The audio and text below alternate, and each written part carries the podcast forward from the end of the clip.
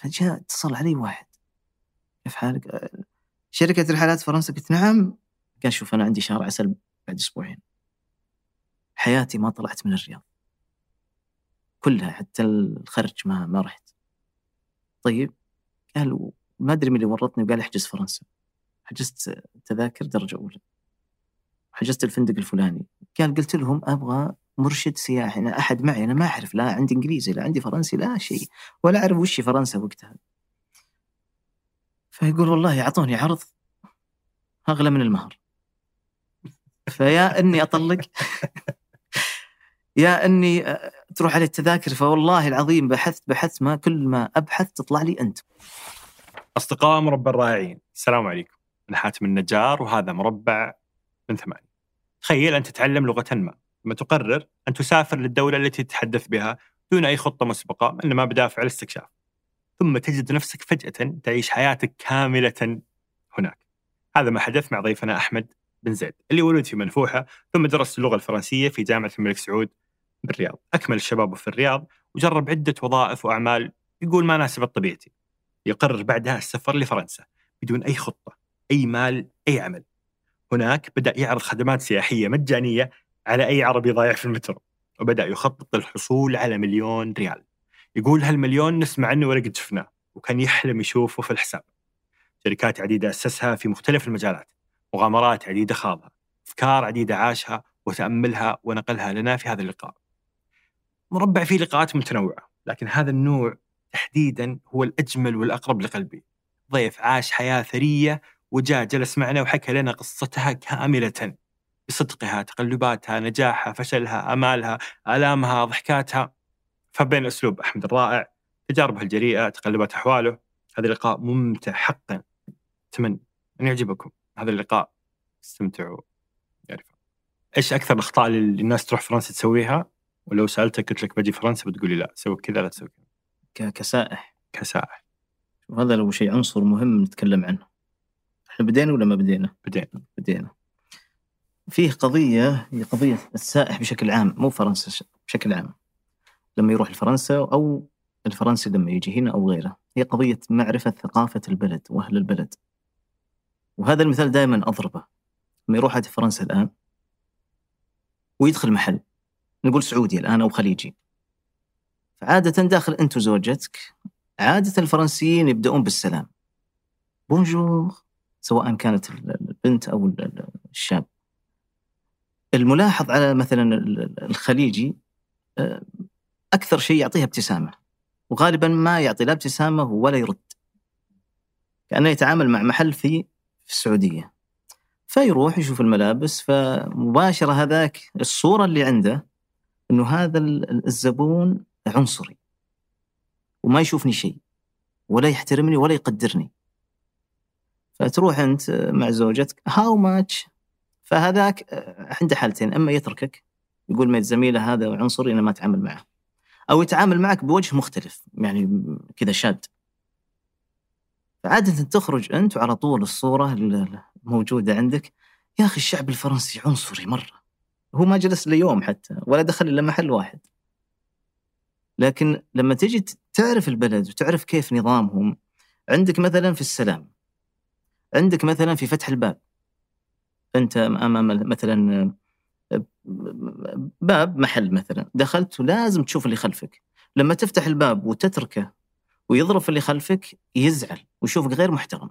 فالفرنسيين لا متعود يمسك الباب اللي ورا لازم يقول له ميرسي لانك كذا. وأنت عاد ترد أو يعني مثلا لا شكر على واجب وكذا أو بكيفك. آه، أو بعض الأحيان يمسك لك الباب فتدخل كأنك شايف واحد مثل الجدار. فما تقول له ميرسي بعض الفرنسيين يعصب يقول لك ميرسي ها؟ ميرسي. يعني زي اللي آه، قال شكرا. أذكر مرة الشباب كانوا معنا في group تقريبا 17 وأخذنا جولة تقريبا 20 20 يوم. 20 يوم في فرنسا. جولة كاملة. فكان في مثل ال food truck هذا حق الآيس كريم. فأنا كنت أشرح المجموعة ومجموعة راح يشترون آيس كريم في وقتها كان حر. كانت في قلعة كركسون تسمى قرقشون أيام الأندلس في جنوب فرنسا. فلما راح أشوف المرأة هم شروا ايس كريم راحوا يعني طلع راسها وتقول لهم ميرسي آه ميرسي فهم وقفوا ويناظرون فيني أي مشكلة تصير لهم يناظرون فيني. قلت رحت لها قلت شو؟ قالت يعني ما حد قال شكرا. ترى حتى لو تشتري لازم تقول شكرا. فبعضهم يقول يا أخي بفلوسي. هذه ثقافة. فإذا تعلمت ثقافتهم نفس ترى حتى عندنا عندنا الآن مثلا أنا مرة مثلا كنت معزوم عند أهل الشمال. فجالس أنتظر يصب لي قهوه ما صب لي قهوه قلت إيش في هذا؟ ما يشوفني شيء ولا فقال لي أخوه يا أبو زيد لازم تأخذ تمرة. نظام أهل الشمال تأكل تمرة نصب لك قهوة. غير أهل الرياض وأهل نجد وغيره. وأكيد الغربية غير والشرقية غير. فأنا دائما نصيحتي لأي سائح سواء يروح لفرنسا ولا غيره حاول تقرأ في ثقافتهم طريقة تعاملهم طريقة كذا. لذلك هذا يجعلك أقرب للحكم على الشعب. طبعا حتى ولو كان دائما أقول لا تطلق الأحكام ولو قعدت بعضهم ترانزيت يقول والله حقيقة سويسرا أنا أشوف شعبهم عنصري هو قاعد في المطار ساعة. ويقعد لك والناس مساكين يأخذون من أحكامه ويخططون رحلاتهم على اقواله هذه. فهذه مهمة جدا هذه أول نصيحة وآخر نصيحة دائما للسائح. تعلم عاداتهم تقاليدهم حتى لو كانت مخالفة لعادات وكذا بس أهم شيء تعرفها حتى ما تقع في خطأ. كيف كيف تعلم عادات؟ تقرأ. انت الآن تسافر مثلا آه، نقول النرويج ما تقرأ عنها شيء؟ ما تقرأ عن عاداتهم في الأكل عاداتهم في الناس عندهم قائمة غالبا بيروح عشر أماكن ولا اللي لا ما أتكلم عن أماكن سياحية. المكان السياحي شيء والثقافة شيء. لذلك يعني يعني أنا بروح النرويج مثلا خدمة المرشد السياحي وأنا أهميتها في بعض الأحيان إنه يكون معك يعلمك آه، ترى هنا غلط تقول له هي مثلا في مطعم فرنسي واحد آه، كان بيطرد مجموعة وكنت أنا جاي مع واحد. فيا الله فهمته حتى اقتنع فواحد يقول هي هي فجاء معصب هو. قال يا أخي ترى بفلوسنا. قلت إيش بفلوسك؟ هذه هذه عيب عندهم وقلة احترام إنك تنادي بهالطريقة. آه، فاعتذروا. قلت لهم لازم تعتذرون تقولون باغدون ولا اكسوزو موا فاعتذروا والحمد لله يعني مشت الأمور على خير. هذه لازم تتعلمها. على الأقل على الأقل تسأل أهل البلد إذا تعرف أحد أو الواحد يجتهد شوي. وعشان ما يحكم عليهم بأحكام آه، معاكسة للواقع. كنت كنا نسولف قبل فترة فتقول لي فرنسا من الشعوب المظلومة إيه. فهي لا هي عنصرية ولا هي ضد المسلمين ولا شيء. إيه. هل بس هذا هذا سوء الفهم اللي صاير فعلا؟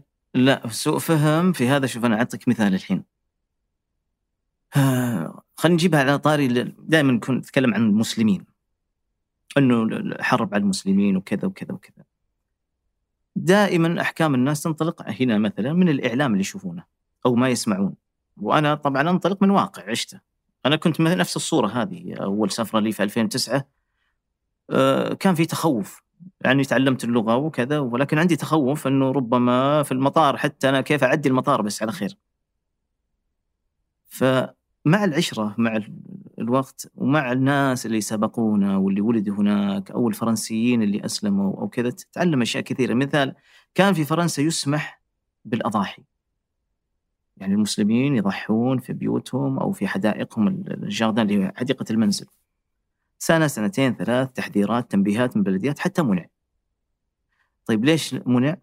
لأنه المسلمين نفسهم يقولون الحمد لله أنه تم منعه لأنه للأسف كان يعني أنت الآن تعتبر غريب المفروض.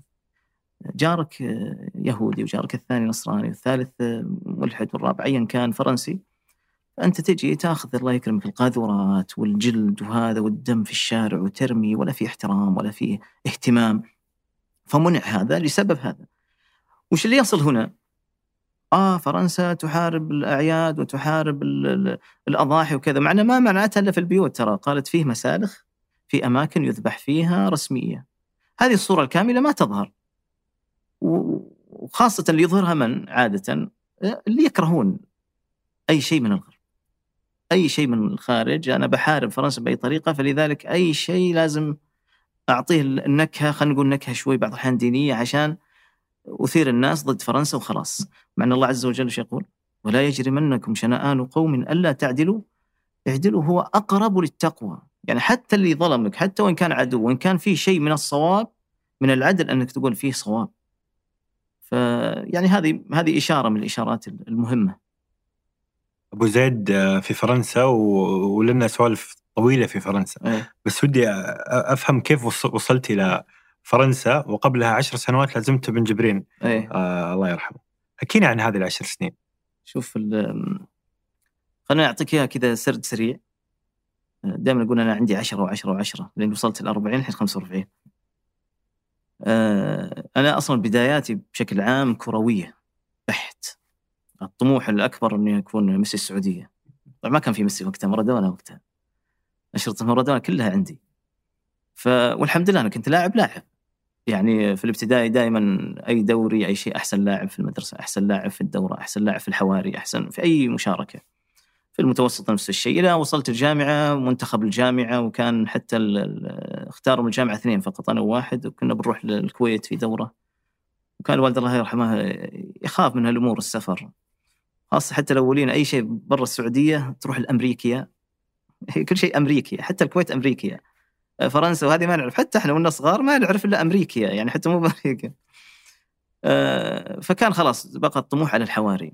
وعاشرت كثير من اللعيبة اللي بعضهم الآن اعتزل أو معروفة الآن من لعيبة الشباب والنصر والهلال وغيره وما زلت ألعب يعني لأنها عشق.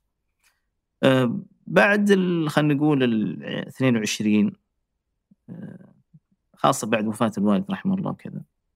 وارتباطي بالشيخ ابن جبرين هو أصلا كان في نهاية حتى الجامعة. بدأ عندي توجه اللي هو من أنا آسف بقطعك بس قبل الشيخ جبرين أنت ما كملت المسيرة الكروية بسبب الوالدة ولا؟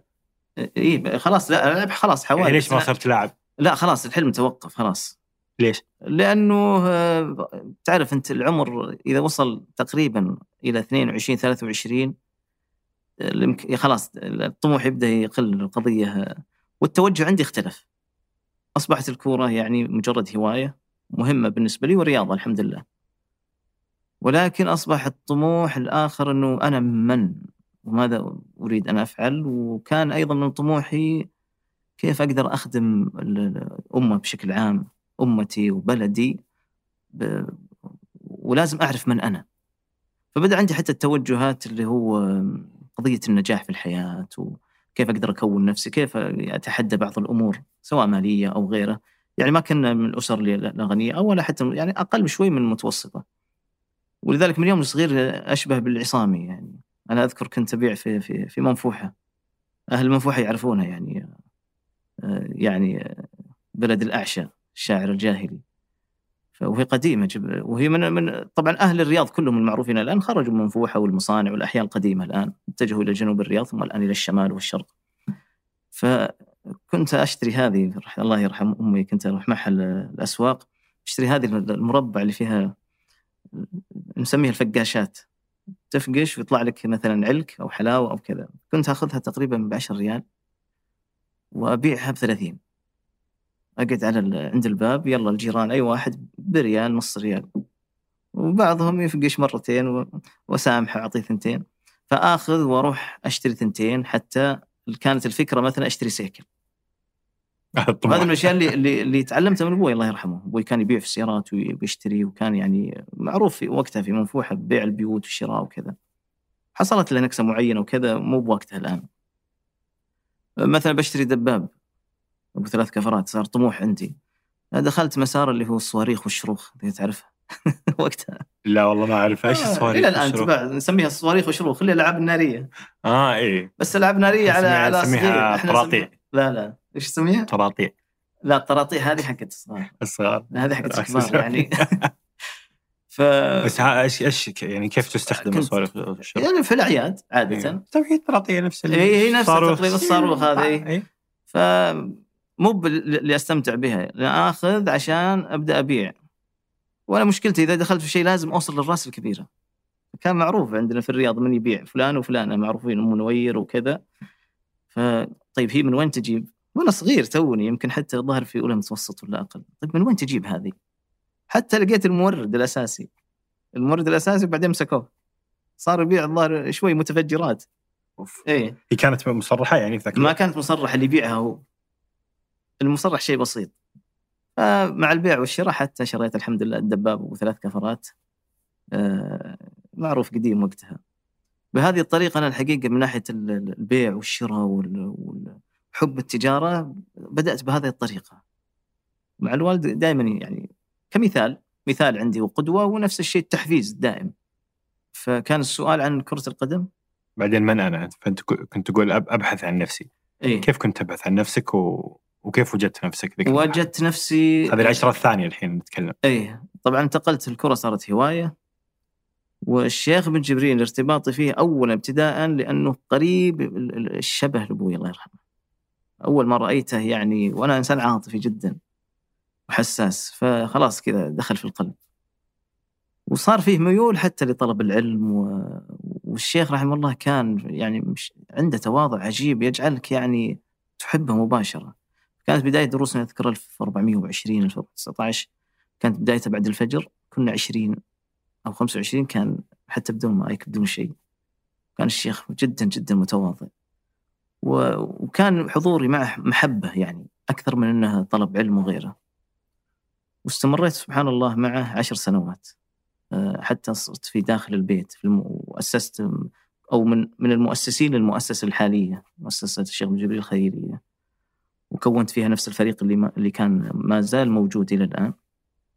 آه، جلست معه عشر سنوات أدرت الدورات الصيفية كمدير تنفيذي والموقع الإلكتروني كذلك وكان فيه فيه يعني عمل طويل معه عشر سنوات حتى يعني بدأت السفرات لفرنسا حتى الشيخ رحمه الله كنت أنقل له بعض الأحوال في فرنسا اللي اللي تحدث.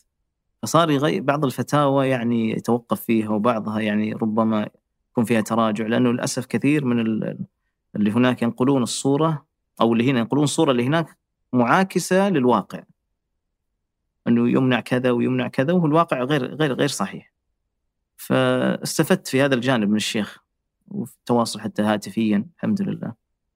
فالشيخ له قصة طويلة معي يعني ومواقف صراحة كثيرة جدا. ومن أعظم المواقف زيارته لي في البيت.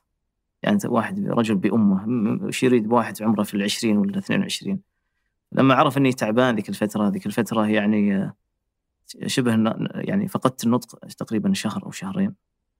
لحدث اجتماعي كان يعني قوي علي.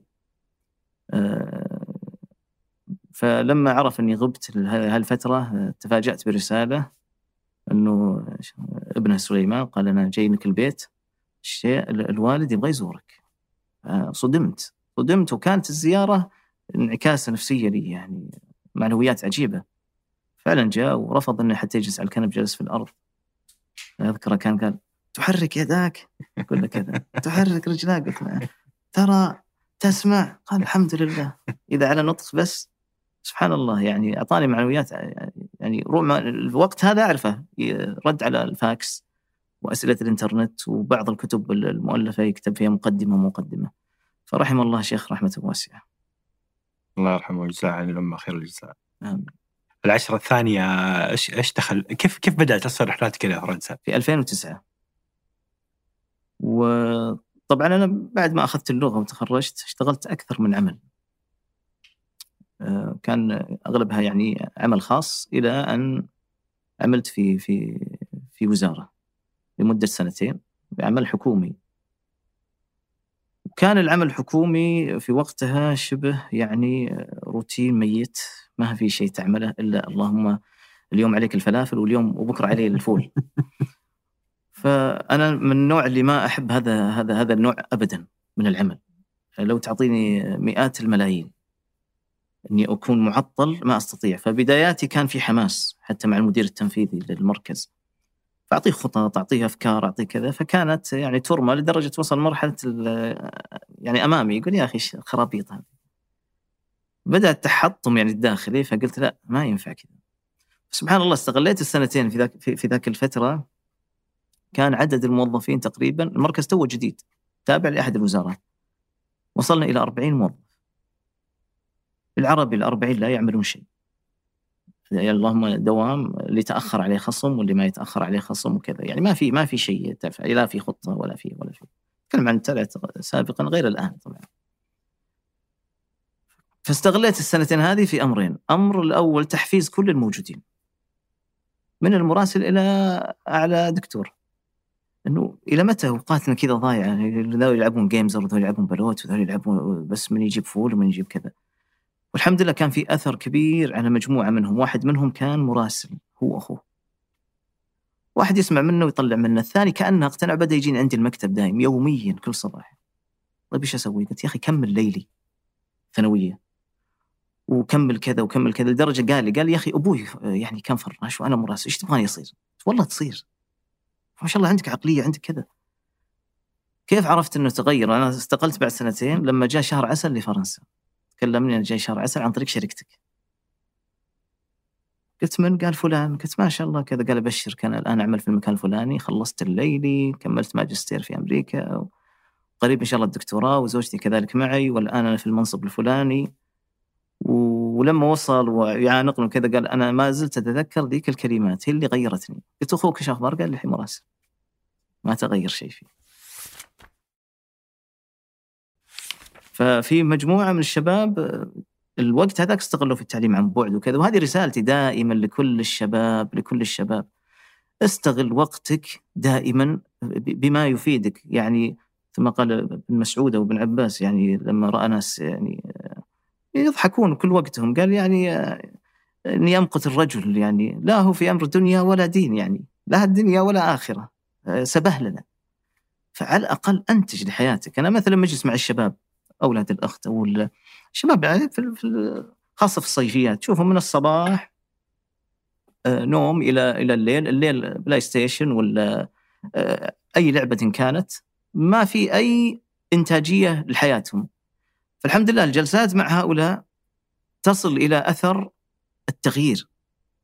طبعا ربما من العشرة يطلع لك ثلاثة أربعة نعم الحمد لله. لأنه تعطيه يعني إنك أنا طبعا أرجع بس الخط وراء كان عندي مجموعة اسمها نبض الوفاء. هذه المجموعة تطوعية كانت في في طبعا قبل فرنسا وقبل كان همي فيها أجمع كانت بدايات الانترنت ترى عام 2000 الانترنت تقريبا 1999 وكذا يعني صار عام للناس. فأسست مجموعة بريدية.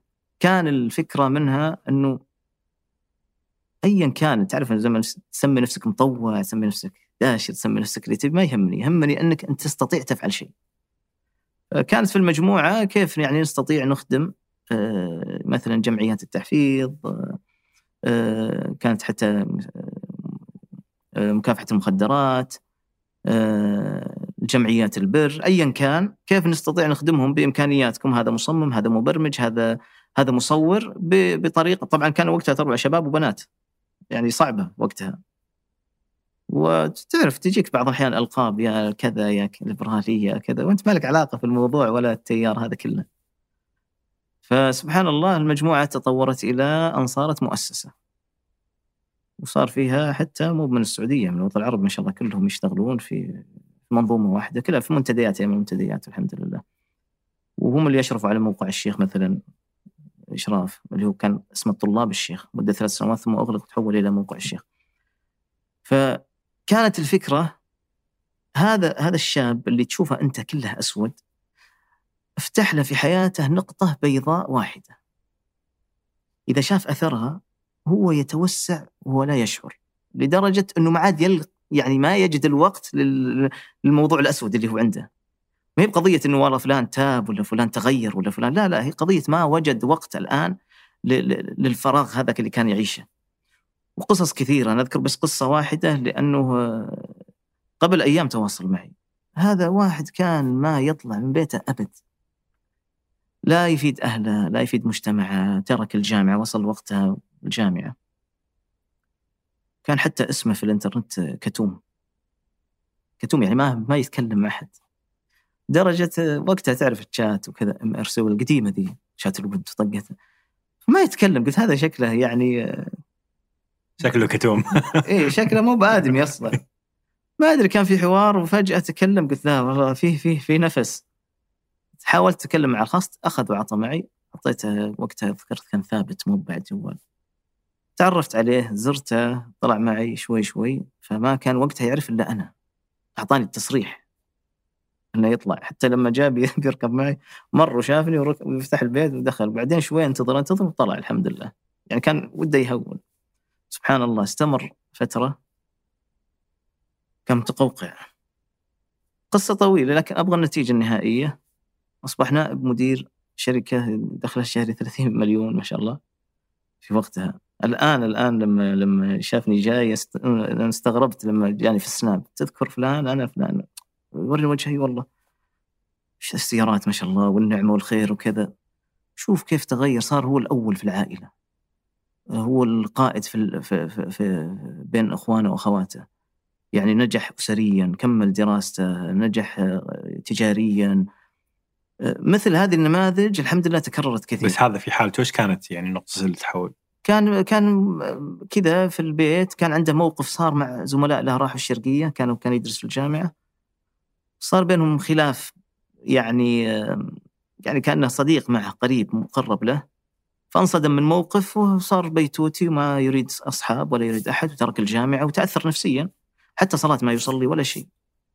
الحمد لله أتوقع خلال ستة اشهر إلى سنة يعني انقلب الوضع. انه أنه اشتغل معكم إيه؟ شاف ناس. قضية كلها حوار. شاف عمل. آه غالبا معي كان. أيوه ومع مجموعات كذا ولكن سبحان الله كان الحوار هذا جعله يعني آه، تعزيز تعزيز ثقته في نفسه.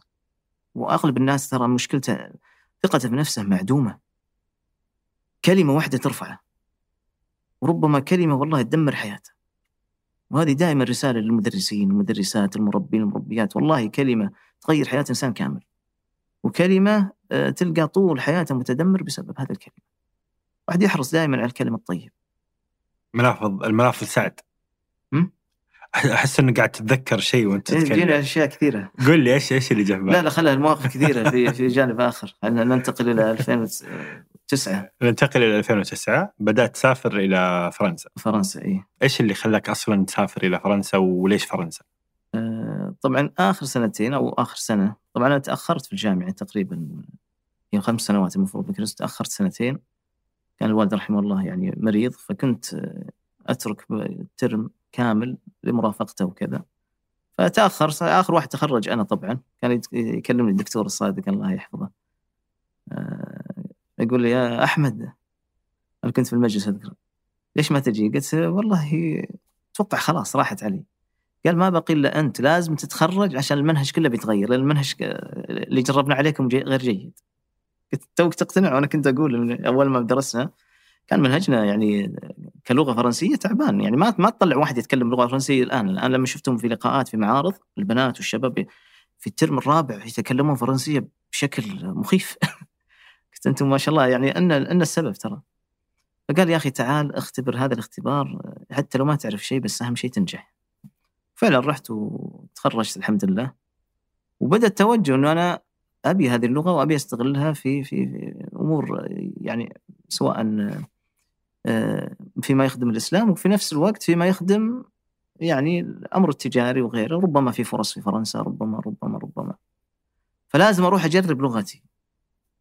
2009 وكانت أول سفرة لي آه، كانت مع أحد الشباب مهندس. طبعا اخذنا لفة في في أوروبا تقريبا ثم فرنسا. هذه الزيارة الأولى استكشافية. الزيارة الثانية كانت طبعا زيارة استكشافية هو خطبة على طول. تزوجت أطلع من الخط على طول. إيه. لا مو بزواج هو كان آه، تقريبا يعني هو طريقة أنا أعرف والدها. والدها معروف هناك مثل ما تقول أشبه بديدات فرنسا. و... وتعرفت عليه. و... وعجبت فيه وشخصيته وأسلوبه ومرح جدا جدا. وكان فيه رؤية فسرت إنه إني آخذ البنت بنته. رؤية كانت فيني. وكنت صارف النظر عن الزواج في ذيك الفترة نهائي بعد بعض المواقف اللي صارت. وراحت معي أختي وفعلا بدأت الخطبة وبعدين رحت قلت رأيت رؤية؟ لا لا الرؤية جت قبل ما نروح واتفقنا على المجيء واتفقنا على الخطبة واتفقنا على كل شيء والحمد لله يعني تمت الخطبة لكن ما تم الزواج إلا بعد سنتين. يعني والدها شوية ما بين أخذ وعطاء. أه تعرف مثل ما قلنا نسمع بعض الأحيان لما الآن نرجع لقضية أيضا حتى لما نتكلم السؤال الأول هو أه لما أقول لك مثلا أه عن عن العرب في فرنسا مثلا.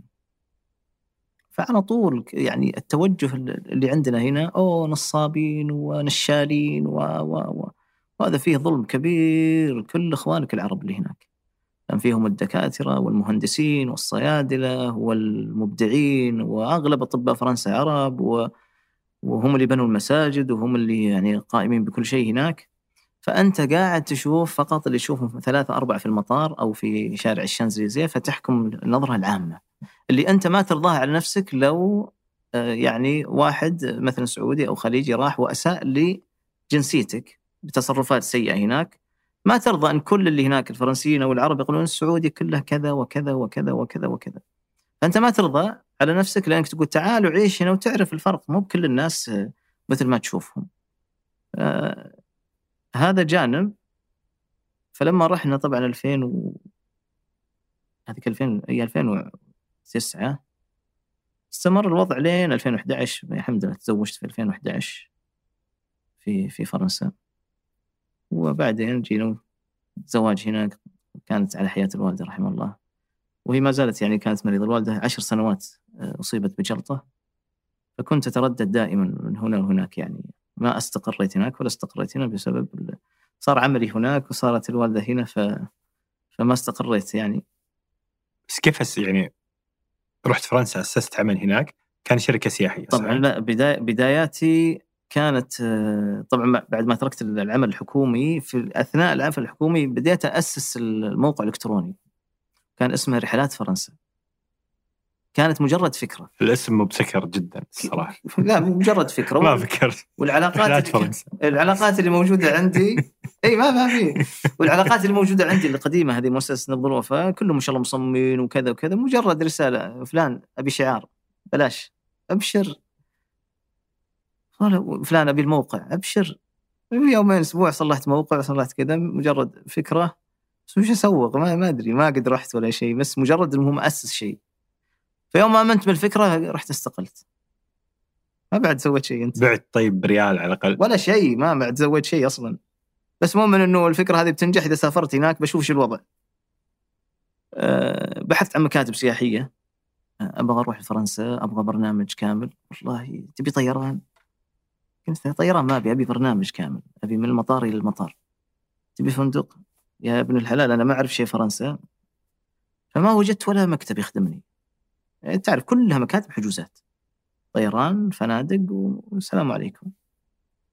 لما رحت هناك وبدأت في أيام المنتديات أنشر مرشد سياحي لوجه الله. أبدا بس أبغى أجرب. فأول واحد راسلني أذكره عراقي. جاي من العراق كان وكيل أبل ولا كذا. نسيت والله تفاصيله. قلت طبعا هذا هبال يعني إنك هاي واحد تتعرف عليه وتروح وفي بلد غربة ولا تعرف شيء. ففعلا قعدت معه ثلاث أيام آخذه من الفندق وأروح أمشيه. وطبعا حفظت باريس كامل بالمترو المترو كله وأنا مغمض الحين أمشي فيه. أكثر من الفرنسي كله. طبعا الآن الحمد لله فرنسا كلها تقريبا. ف ثلاث أيام اتمشى معه. قال يا أخي الحين أنت لوجه الله وتعبت معي وكذا. قلت يكفي أكل وشربي مجانا وش أبي أكثر من كذا؟ وما ابي أقول اني قاعد أتعلم عليك بعد. مبسوط؟ إي مبسوط. ممكن تكتب لي إنك مبسوط. في المنتدى. ولا في الموقع. لا في الوقت وقت ما أدري هو واتساب وقتها ولا وش بالضبط؟ لا ما واتساب؟ لا ما ما أدري وش كان وقتها بس اكتب لي عشان أنشره بعدين. أو كان سجل السجل القديم اللي يسمونه سجل الزوار. آه، كنا نركبه يعني في يوم خالص. ف يعني سبحان الله واحد ورا واحد. بس ما ما جاني غيره فقلت يا حبيبي روح ادخل في محطة المترو. أي واحد ضايع خليجي روح ساعده. لقيت عائلة مصرية ضايعين.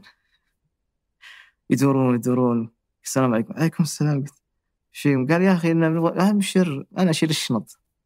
لا والله يا باشا. قلت والله نشيل معكم تعال. حتى وصلتهم فندقهم. عاوز حاجة قلت ما أبغى شيء. الدعاء بس. طيب هذه تجربه يلا. خليجيين تعبت معهم في البدايات. إيه. ألقاك ضايع أنت وزوجتك أجي واضح إنكم ضايعين. السلام عليكم. يا أخي تراني سعودي. طيب أنا عندي تعليمات. أي عربي لا لا ترد عليه السلام لأنه كذاب ونصاب ونشال. وحي والله بخدمك.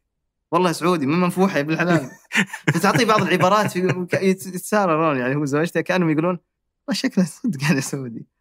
وش تبغى؟ مرة واحدة يا زوجتي. هذه يعني طرفة. هي آه قالت أنا أعرف كل شيء. فراحت أخذت تذاكر مترو إلى شار ديقول. شار ديقول هو المطار. وهم يبغون محطة شار ديقول اللي هي المترو. اللي هي المفروض بيورو. فأخذت هي تقريبا كانت ب 15 يورو ولا كذا. فهو جالس يحاور يعني أشبه بشوي بالطاقون يعني. وأنا كنت وقتها طبعا مو بوقت البدايات هذه بس كنت بدخل مع شنطتي فأسمع الصوت والمشاكل.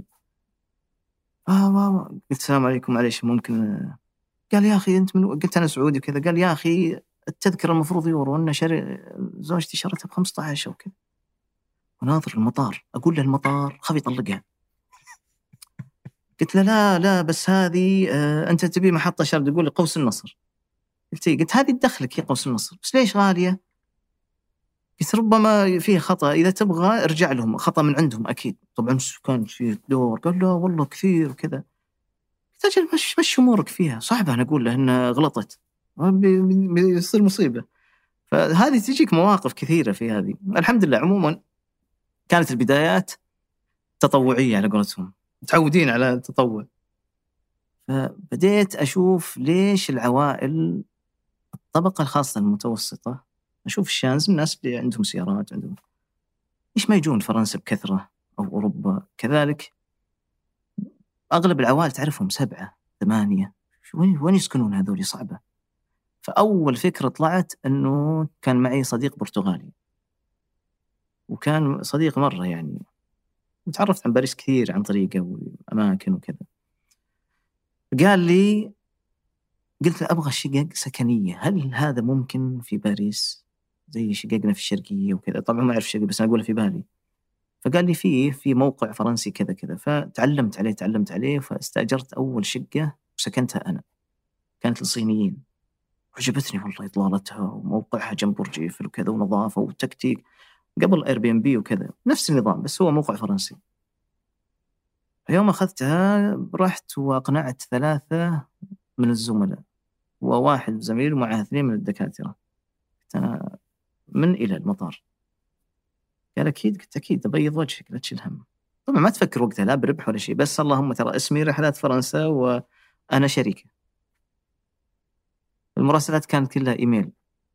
الإدارة المالية الإدارة مد... والله ولا في إدارات ولا شيء من حالي يوحي للعميل إنه هذه شركة مو طبيعية. إيش ذا السائق في انتظاركم اللي هو أنا أجيب سائق وأنتظر ورا هذا أتأكد اركبه سأكون أنا لأني أنا أقدرك أنا سأكون في انتظارك ما في إلا أنا أصلا.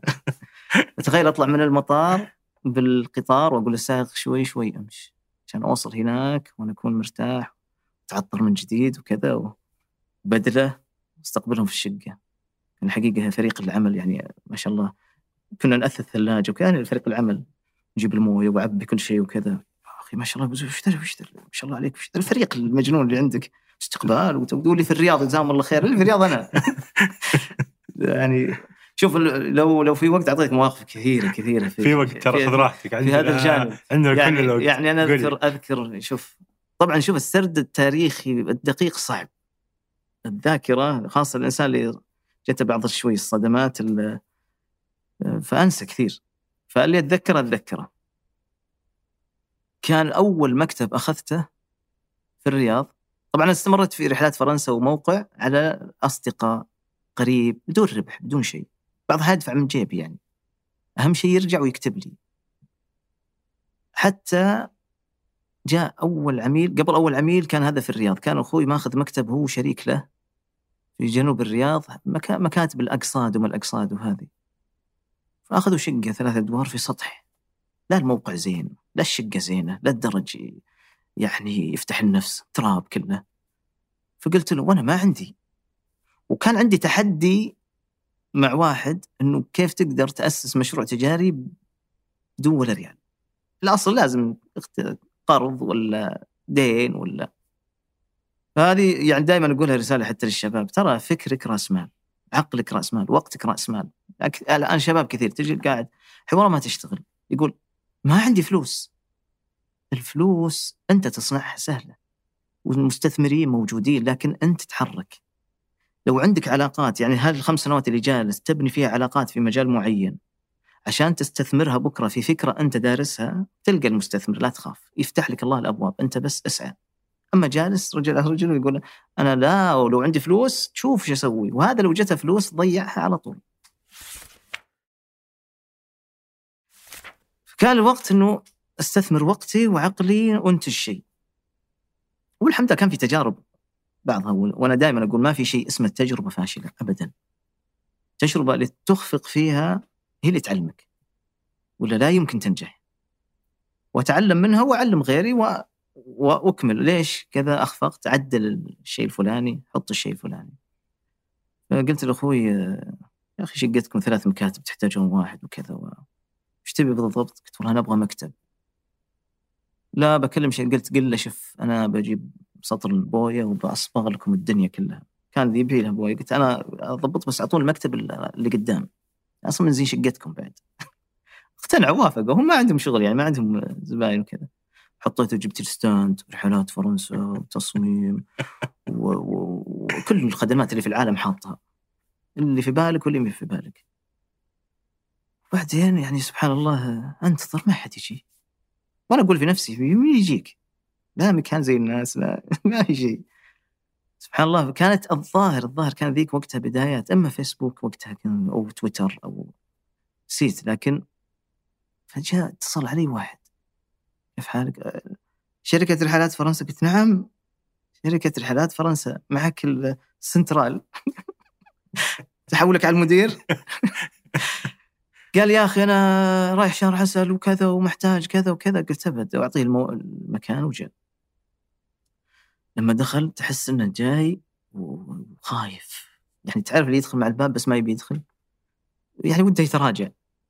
الدرج اللي شافه والدنيا. رحبت فيه وجلست وكذا. فبدأ يرتاح لي شخصيا أنا. ما خلى ويناظر الوضع مستحيل أدفع ريال. فقعدت أشرح له أشرح له أشرح قال شوف أنا عندي شهر عسل بعد أسبوعين. حياتي ما طلعت من الرياض. كلها حتى الخرج ما ما رحت. طيب قال ما أدري من اللي ورطني وقال احجز فرنسا.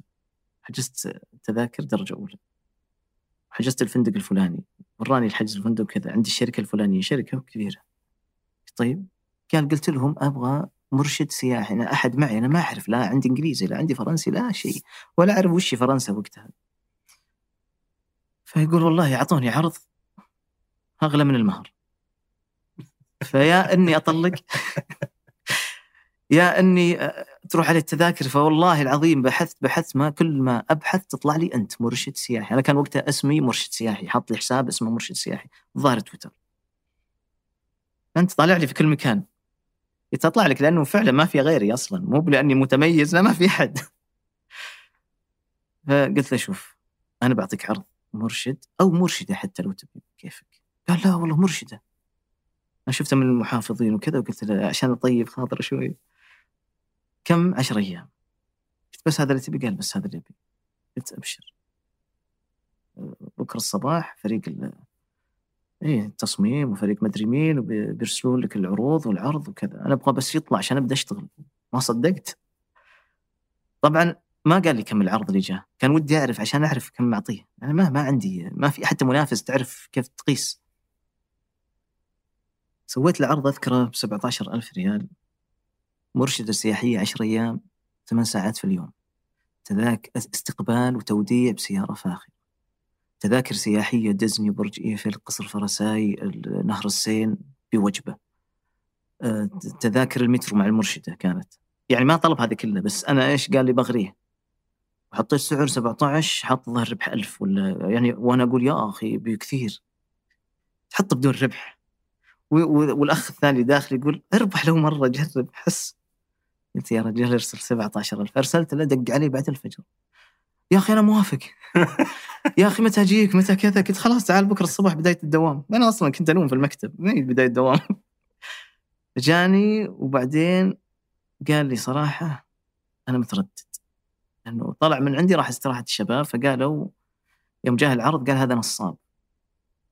فيوم عرف كنت عند الشيخ جبريل وعرف فلان وفلان فصار يعرف ناس يعرفوني فراح وسأل عني وكأني بتزوج أنا من فقال والله خلاص الحين مطمئن لك. لأن الشباب قالوا كيف 17 تدري العرض اللي جاني كم طلع لي؟ 40000 40 يا أخي كان قلت لي. على الاقل 20 قال والله صدمتني بالعرض. قلت لا أبشر. أنا من فرحتي إيش سويت؟ أخذت فلوسه مع الربح الزيادة وزدت عليه ورحت حجزت على طول قبل رحلته بيومين عشان أنا أسوي كل شيء هناك. قالوا أنت كان موجود؟ قلت والله احتمال يعني تعرف الرحلات وكذا فالعملاء كثير و... ما يدري والله. فعلا حجزت رحت قابلت المرشدة وقلت له واعطيته تعليمات وكيف تسوي كذا خايف يعني سمعة ذي. هذه بداية السمعة. واستقبلته في الفندق. أشوف الشكل مع المرشدة ورتب أموره. بعدين قالت الأستاذ أحمد موجود هناك. قلت نعم تعال. جاء وسلم علي ما شاء الله قلت يا أخي جيت عشانك. والله يا أخي أنت يعني مدير بكبرك بكبر يا جي. سبحان الله تكلمت أنا وياه وكذا كانت من أمتع رحلاته. الحمد لله إلى اليوم هو عميل مستمر وصديق. ودائما لما أقول صديق أنا عندي عندي أمرين دائما في, في, في أي شركة في أي عمل. اللي يعملون معي أحب يكون عندهم ولاء كبير لهذا المكان أو هذا الكيان. حتى بعض الأحيان لما يجي ما عندك رواتب ما عندك شيء والله ما يتركونك. وما يتخلى عنك. وهذه الحمد لله حصلت كثير. واللي يخرج من عندي يبقى صديق وحبيب وكل شيء. ما يخرج وهو زعلان ولا مطرود ولا كذا. حتى لو كان معد له حاجة. العميل أنا دائما أفكر المال هو الأساس أنا فاتح أكسب. لكن كسب القلوب مهم. لذلك اللي استقبلني في جدة هو عميل آه، علي الزهراني الله يحفظه أبو راشد. واللي يعني أيضا دعاني لهذا اللقاء عميل سابق آه، أخوي عبد الكريم. فهذا الأثر حتى لو انتهى النشاط والله له أثر كبير في حياتك. من دعائهم؟ يا أنت عميل أعطاك فلوس لا وفوق هذا يسوق لك وكل ما شافك يدعي لك لأنه آه، يعني الله يحب الإنسان إذا عمل عمل أن يتقنه. فالإتقان في العمل يجعل العميل هذا آه، والله لو وجد أرخص منك وجد شركة ربما أضخم منك ما يتركك. لذلك الحمد لله كل العملاء اللي دخلوا يعني ما أقول لك حتى يمكن ولا واحد في المية يخرجون. إما يستمر يعني في رحلاته معنا سواء فرنسا أو غيرها الحمد لله الآن بشكل خاص أوروبا أو يجيب مثلا زي مثل هذا اللي قلت لك آه، أخو شهر عسل بعدين هو شهر عسل مرة ثانية بعدين ثالثة والآن عنده رحلة إن شاء الله في الصيف. فمستمر فما يسأل كم الآن ولا شيء. ولازم يعزمني على قهوة ويعزمني على مواقف سبحان الله مع العملاء. تعرف الكاتب مثلا محمد الحيدب معروف. كان كاتب أعتقد في الوطن وكذا. كان أحد العملاء والتقيت فيه هناك وجلست أنا وياه في قهوة وكذا. هو عائلته. خدمنا لهم برنامج كامل. إحنا طبعا قصة الشركة ممكن نكملها بعد شوي لكن فهذا لما جيت الرياض يوم من الأيام عزمني على العشاء في البيت. والله صدمني يعني. بروجيكتور كبير في المجلس. وعشاء مفاطيح بالعربي. يقول والله إحنا في في البيت مستحيل نشتري من المطاعم يعني حتى المفاتيح البنات والأم متعودين هم اللي يطبخون. فهم مصلحين العشاء. والبروجيكتور مشغله جايبين صور لي ما أدري وين جابوها من من 2009 من 2000 حتى لدرجة يا أخي هذا لبس القاهرة يعني يعني قديم يعني. وين جبتوا ذا الصور؟ قال والله العيال اشتغلوا عليها شغل والله محبه كذا يعني.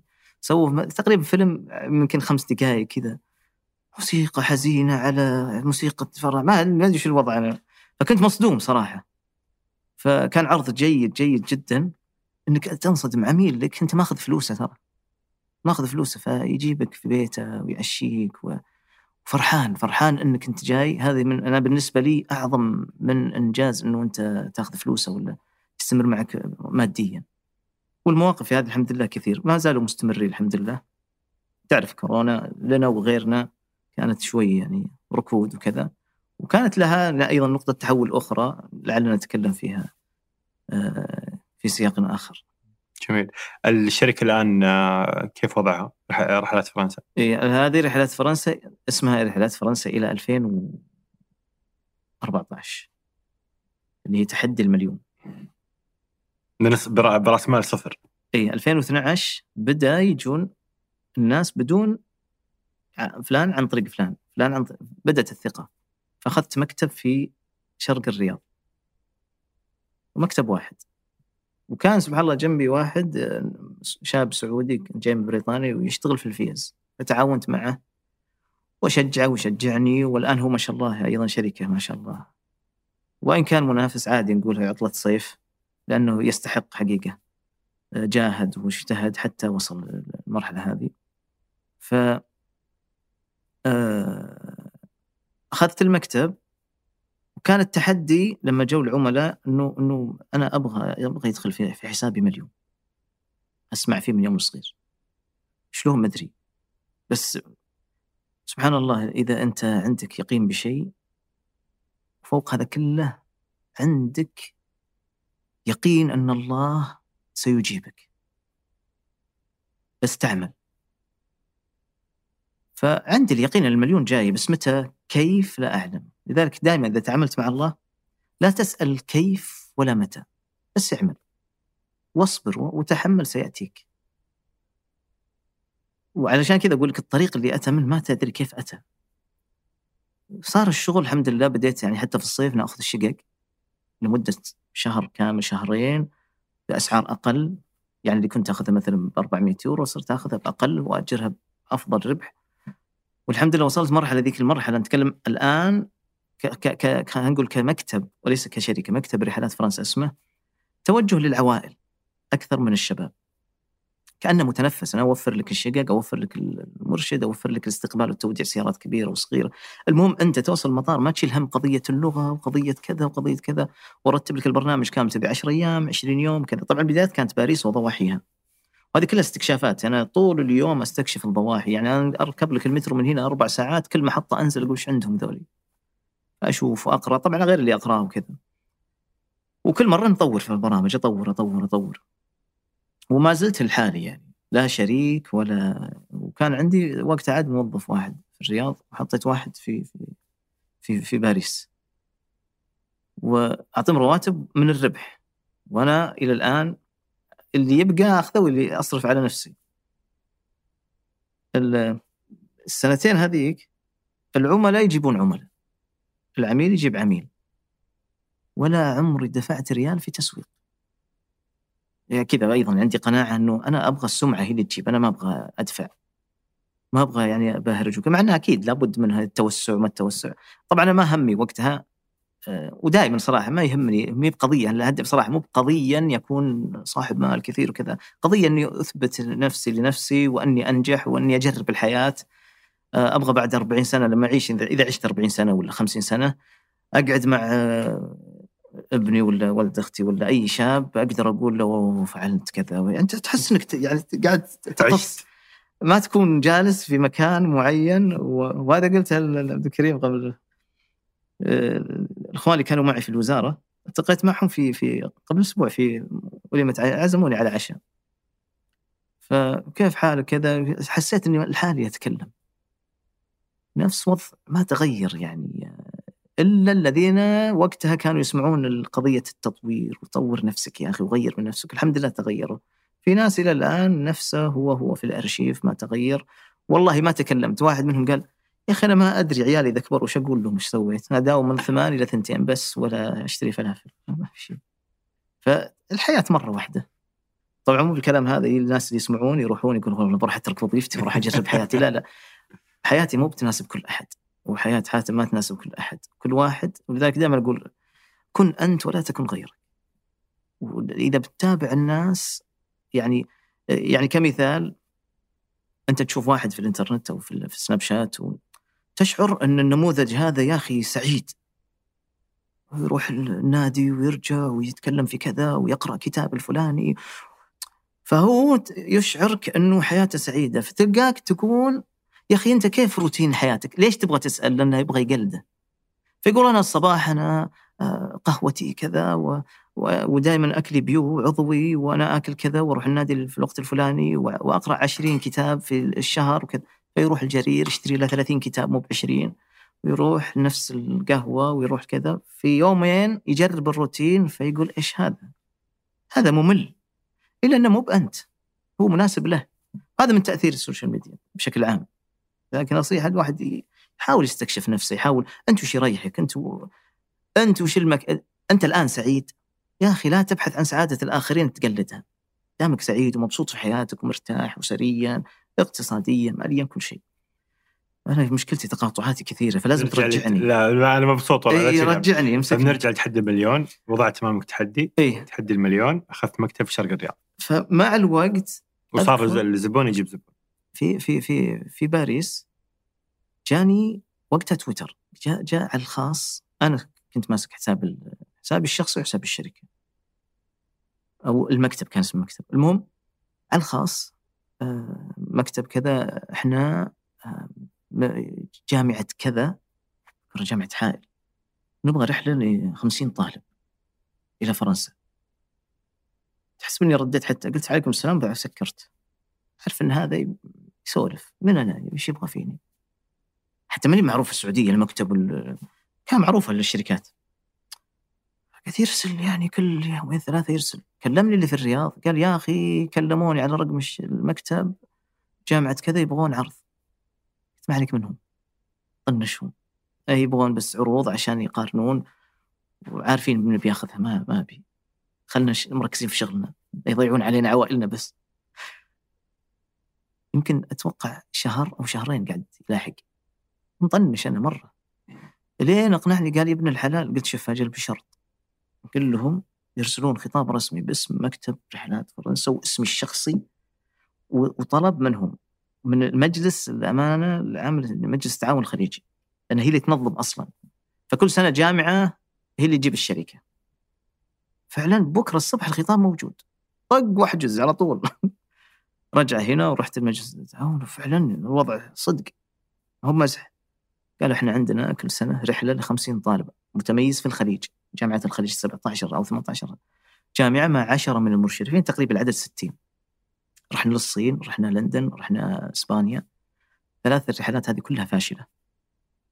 وكل مرة نغير. ولكن نبغى عرض منك.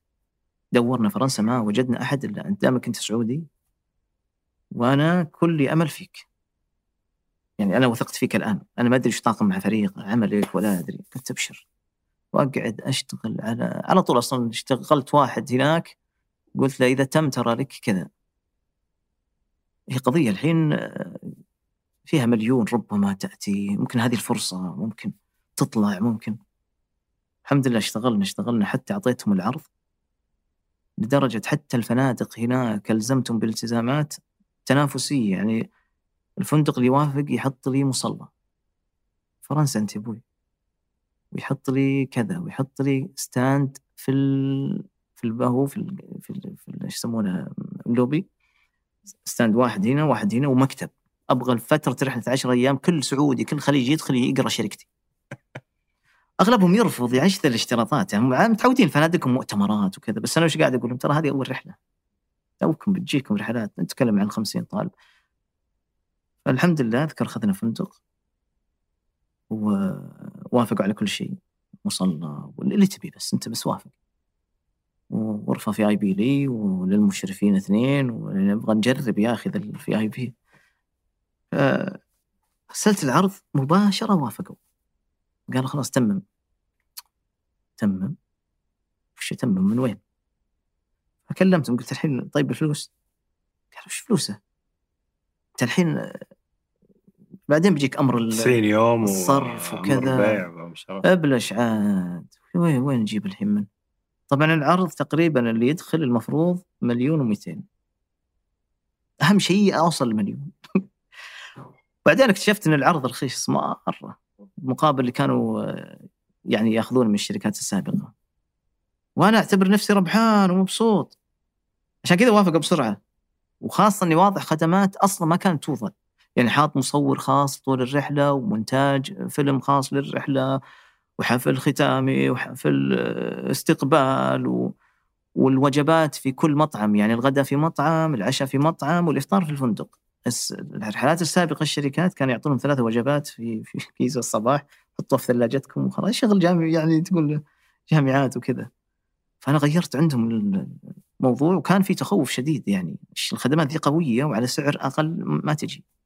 فكل ما كلمني قال أنت واثق يا أحمد؟ أذكر كنت في الشانز كلمني الامين العام كان التويجري قلت لا تشيل هم. ترى قاعد أضرب صدري في الشانز ويحسبوني في فيني كتمة ولا شيء. قال أكيد؟ قلت أكيد. لا تشيل هم. والله بإذن الله إني أبيض وجهك.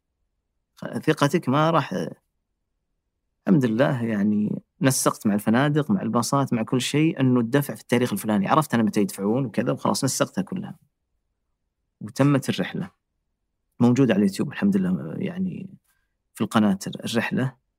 والله ثاني يوم كان عندنا حجز الباخرة كاملة على نهر السين. بغداء فرنسي يعني مطعم فرنسي فاخر. وحجز الباخرة كاملة. فكان اللقاءات في هذا كان آه، اللي هو يعتبر الآن مدير جامعة حائل الدكتور سعود النايف الله يحفظه رجل عظيم. كان وقتها مسؤول إدارة الطلاب وكذا في جامعة حائل والآن هو مدير الجامعة. فقال عاطني الكاميرا أنا أبغى أتكلم. مسجل أيضا لقاءه. قال والله شوف المفروض أنا أتكلم في نهاية الرحلة هذا ثاني يوم أنا أعطيك بصمة. والكلام هذا كان مع المصور مو معي ما أدري يعني بعدين شفته. الرحلة ناجحة. فكان يقول تعرف ليش؟ من الاستقبال. ما عمر أحد استقبلنا هذا الاستقبال. دائما الطلاب ضايعين في المطار. المطار سوينا في الاستقبال من الساعة ثمانية أول رحلة بتجي. تعرف يجون من قطر والكويت والكذا. حطيت اثنين أنا وواحد هناك وثلاثة في ال... واحد مسؤول عن الغرف واثنين في استقبال في المطار في الفندق. أنا قعدت أنا والشاب هذا معي من ثمانية الصباح إلى 11 الليل في المطار. حتى ما في وقت ناكل. يعني الرحلة هذه في الصالة الفلانية نروح نجهز أنفسنا نستقبل ولوحة الشركة. ما زالت رحلات فرنسا. وإذا كانوا اثنين ثلاثة نعطيهم سيارة صغيرة مرسيدس فاخر. إذا كان مشرف على طول نوديه. كانت الفكرة باص نجمعهم بس شفت الفكرة بتفشل وخسرت الباص في نفس اليوم ألغيته. يعني خشيت إنه نجمعهم بعدين يتعبون وكذا. قلت الغي وجيب وكلم شركة سيارات قلت اعطونا مرسيدس كذا كم فان كم. هذا جزء من الربح بيروح ما يهم. الحمد لله تمت الرحلة والحمد لله ما في أحد إلا كان راضي. لا طالب لا مشرف. درجة المشرفين هذه مشكلة كبيرة يعني لمحهم. من ثالث رابع يوم خلاص. متى تبدا الطلع بكرة الساعة 8 خلاص ممكن تكون معهم. أنت أنت مسؤول عن كل شيء لأنك أنت تمسك الميكروفون وأنا أتكلم كمرشد ك... وبعدين صرت مرشد مربي كل كل اللي تبي. والحمد لله كان في علاقة قوية مع الطلاب. إلى الآن من 2014 إلى الآن ترى مستمر الجروب في الواتساب معهم. الحمد لله في في الأفراح والأتراح وكل شيء. ونجحت نجاح باهر وحفل ختامي و شفت المليون؟ وشفت المليون وبعدين رحت الرياض ورحت للبنك اللي فتح طبعا يوم رحت له أصلا يا مرحبا وقهوة ما تعودت يا أخي. تعال بالمكتب صار عندي مدير إيش يسمونه؟ مدير مالي خاص لحسابك. مدير حساب. إيه. وش بتسوي؟ ما أنت هذه خرابيط هذه. أنت أصبر بس. لأني أنا ما أبغى امهد له لأنه أصلا مليون كلها بتروح فنادق بتروح كذا فبخاف يزعل. كل ما صرفت شيء يدق. آه آه أنت سحبت حولت اي اي لأنه بيجي بيجي بس أنت أصبر شوي بيجي. وفعلا أنا قلت إن شاء الله تنجح والرحلة اللي بعدها أمسكها. فعلا بعد نجاحها آه في 2015 الحمد لله رشحنا في رحلة المغرب. وما عمري سويت رحلات في المغرب. الحمد لله أرسلت واحد. لمدة أسبوعين محمول مكفول. أبيك تجرب كل شيء أي شيء يكتبونه لك شركة سياحية جرب. أكل جرب فنادق جرب. يعني ترى نادر ربما شركة فاضية تصرف على هذا. خلاص هم موافقين موافقين يا حبيبي. اتفق معي شركة وانت لا قضية إنه مو بتفق. أنا أبغى يرجع ويبغاني بعد يعني. الحمد لله نظمنا برنامج. كان من ضمنها عبد الكريم. الحمد لله بشهادة الجميع يعني كانت من أيضا من أنجح الرحلات. وأنا كنت موجود أيضا في المغرب قبلها بيومين واستعداد. كل رحلة لازم أجيب لها خمسة اجتماع في النهار اجتماع في الظهر اجتماع في الليل. ويعني حتى أنا طبعا مسؤوليتي مراقبة العيون. حسيت هذا من عينه كأن وده يتكلم فروح أمسكه على جنب.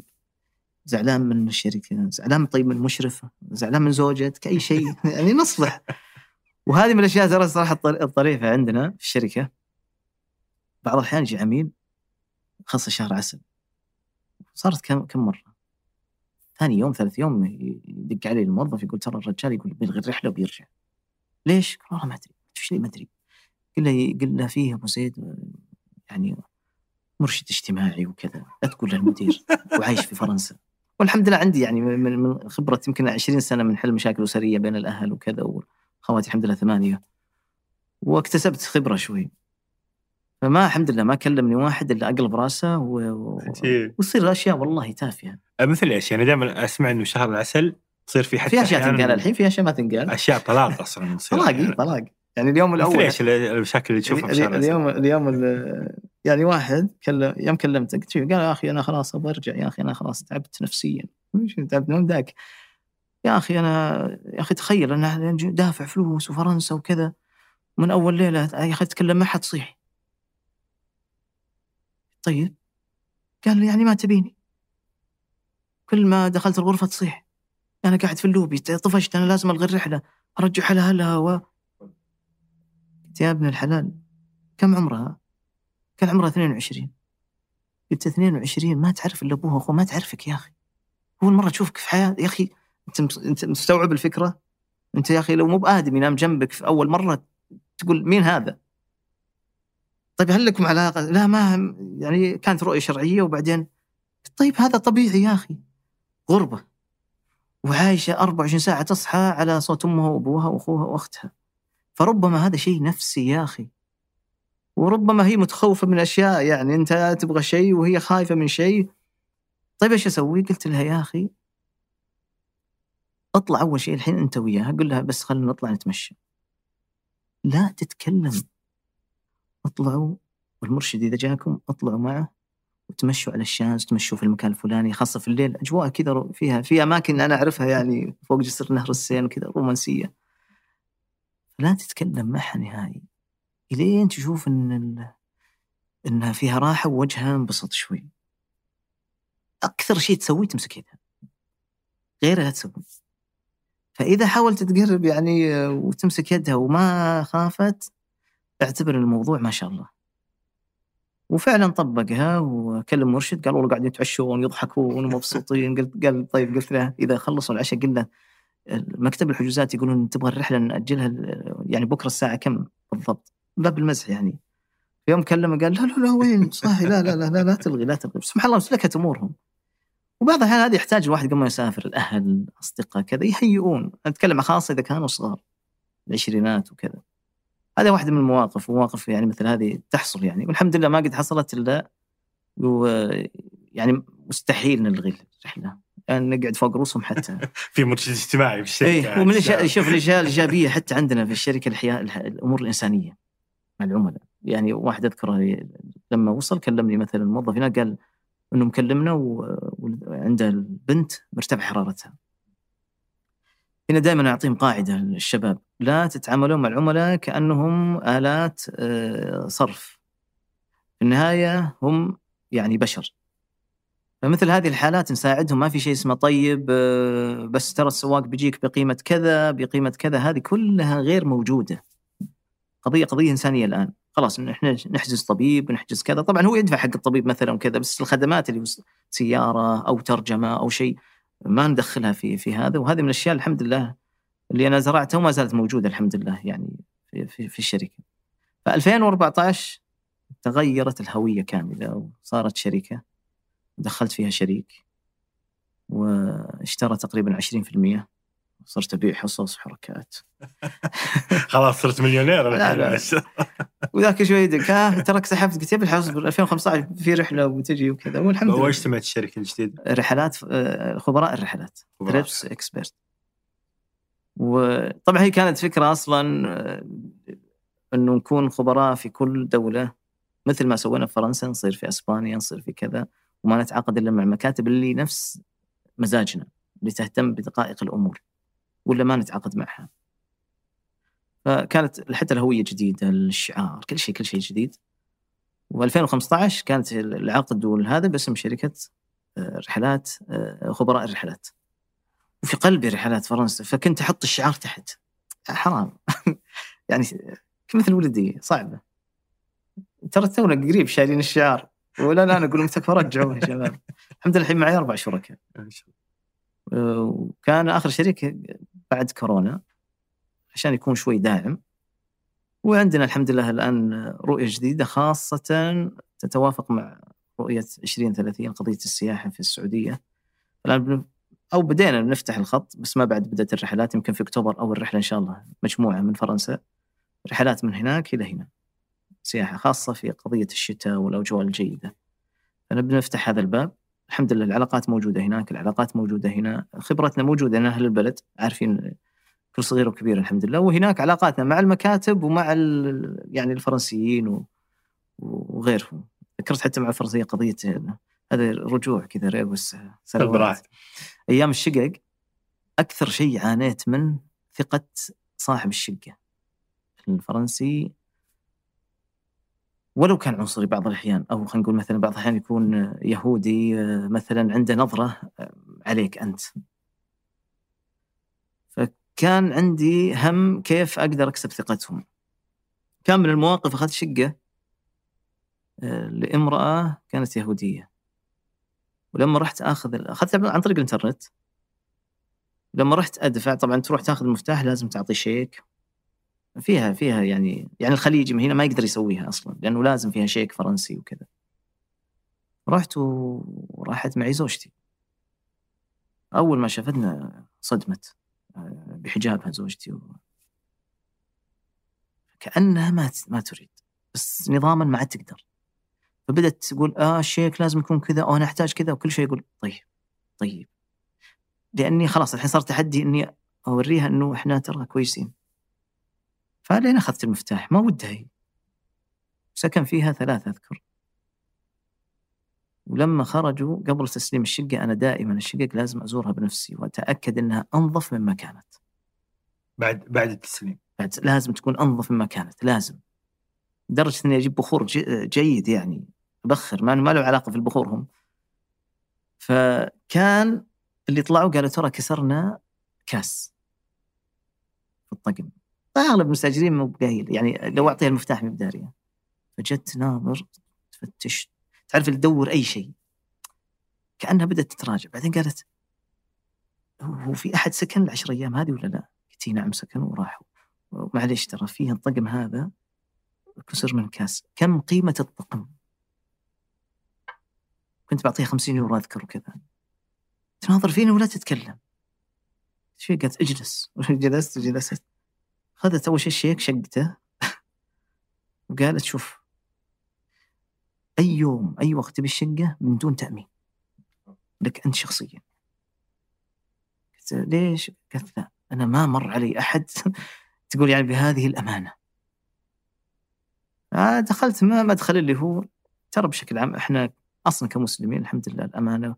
وإن كان في ناس تشوفينهم للأسف فيه يعني الكذب وفيه الخيانة وفيه عدم الأمانة موجود. فقلت لا الحمد لله يعني إحنا كذا وحتى إحنا في شركتنا شركتي كذا وإحنا تعاملنا كذا. استمريت معها فترة الحمد لله لا تأمين لا شيء. وبعدين وصلت مرحلة أعطتني نسخة من مفاتيح تقول إذا تبغى اجر كلمني عشان ما نتقابل أعطيك مفتاح. سبحان الله كأنها شبكة.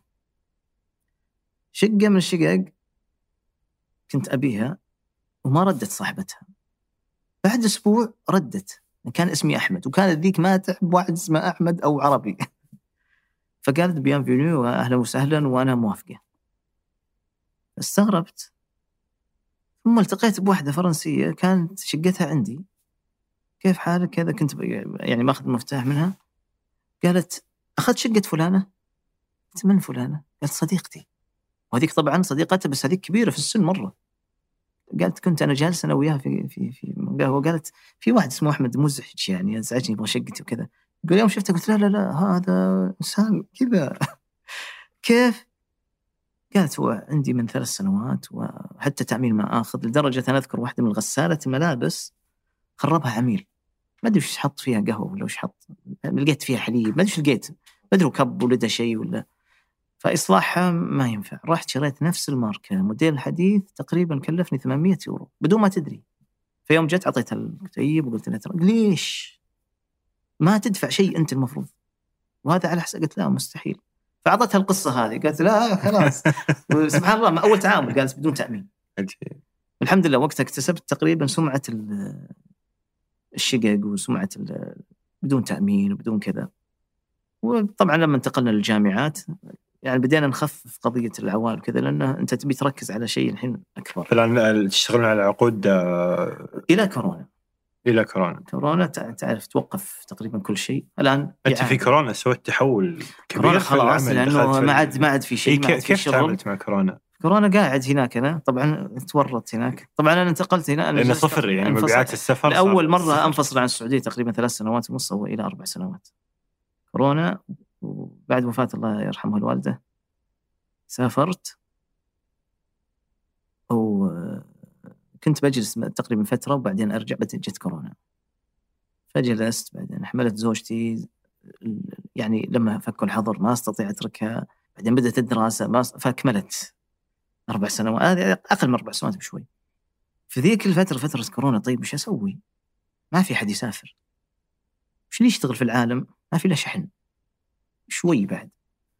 قلت يا ولد مكلم واحد ها إيش رأيك؟ واحد من الشركاء اللي معي في ال... والله نفكر نفكر. فقلت له شوف الناس الآن بدل ما يطلبون منا سياحة قاعدين تجيني رسائل أبغى شنطة أبغى كذا أبغى عطور أبغى يعني شيء من فرنسا. ما نفتح شركة شحن. سبحان الله جالس كذا يعني أنا وياه نفكر نفكر. نفكر الحين في الاسم. سبحان الله. نطقنا الاسم مع بعض في لحظة واحدة. الطرد الفرنسي. قلت شوف والله ما نطقناها عبثا. خلاص كولي فرنسي. بالفرنسي يعني الطرد الفرنسي كولي فرنسي. على طول نفس الشيء الشباب اللي يعرفهم فلان شعار فلان هوية فلان يلا تويتر طق طق طق. من أول شهر بدأ الشغل. كنا ماخذينه بس نبغى نسلك أمورنا بس لين تنفتح الأمور. والله صار فيه. في طلبات شوي شوي طلب طلبين ثلاثة شوي واحد من البحرين أبي أنا 300 كيلو قهوة أدري إيش السالفة؟ آه لازم نتعامل الحين مع شركات كبيرة. الحمد لله بدينا. يعني الحمد لله بدينا نصرف على أنفسنا منها وبدينا نشتغل ونسينا حطينا إيش للصيانة. خبراء الرحلات للصيانة تو الحين. والحمد لله مشت.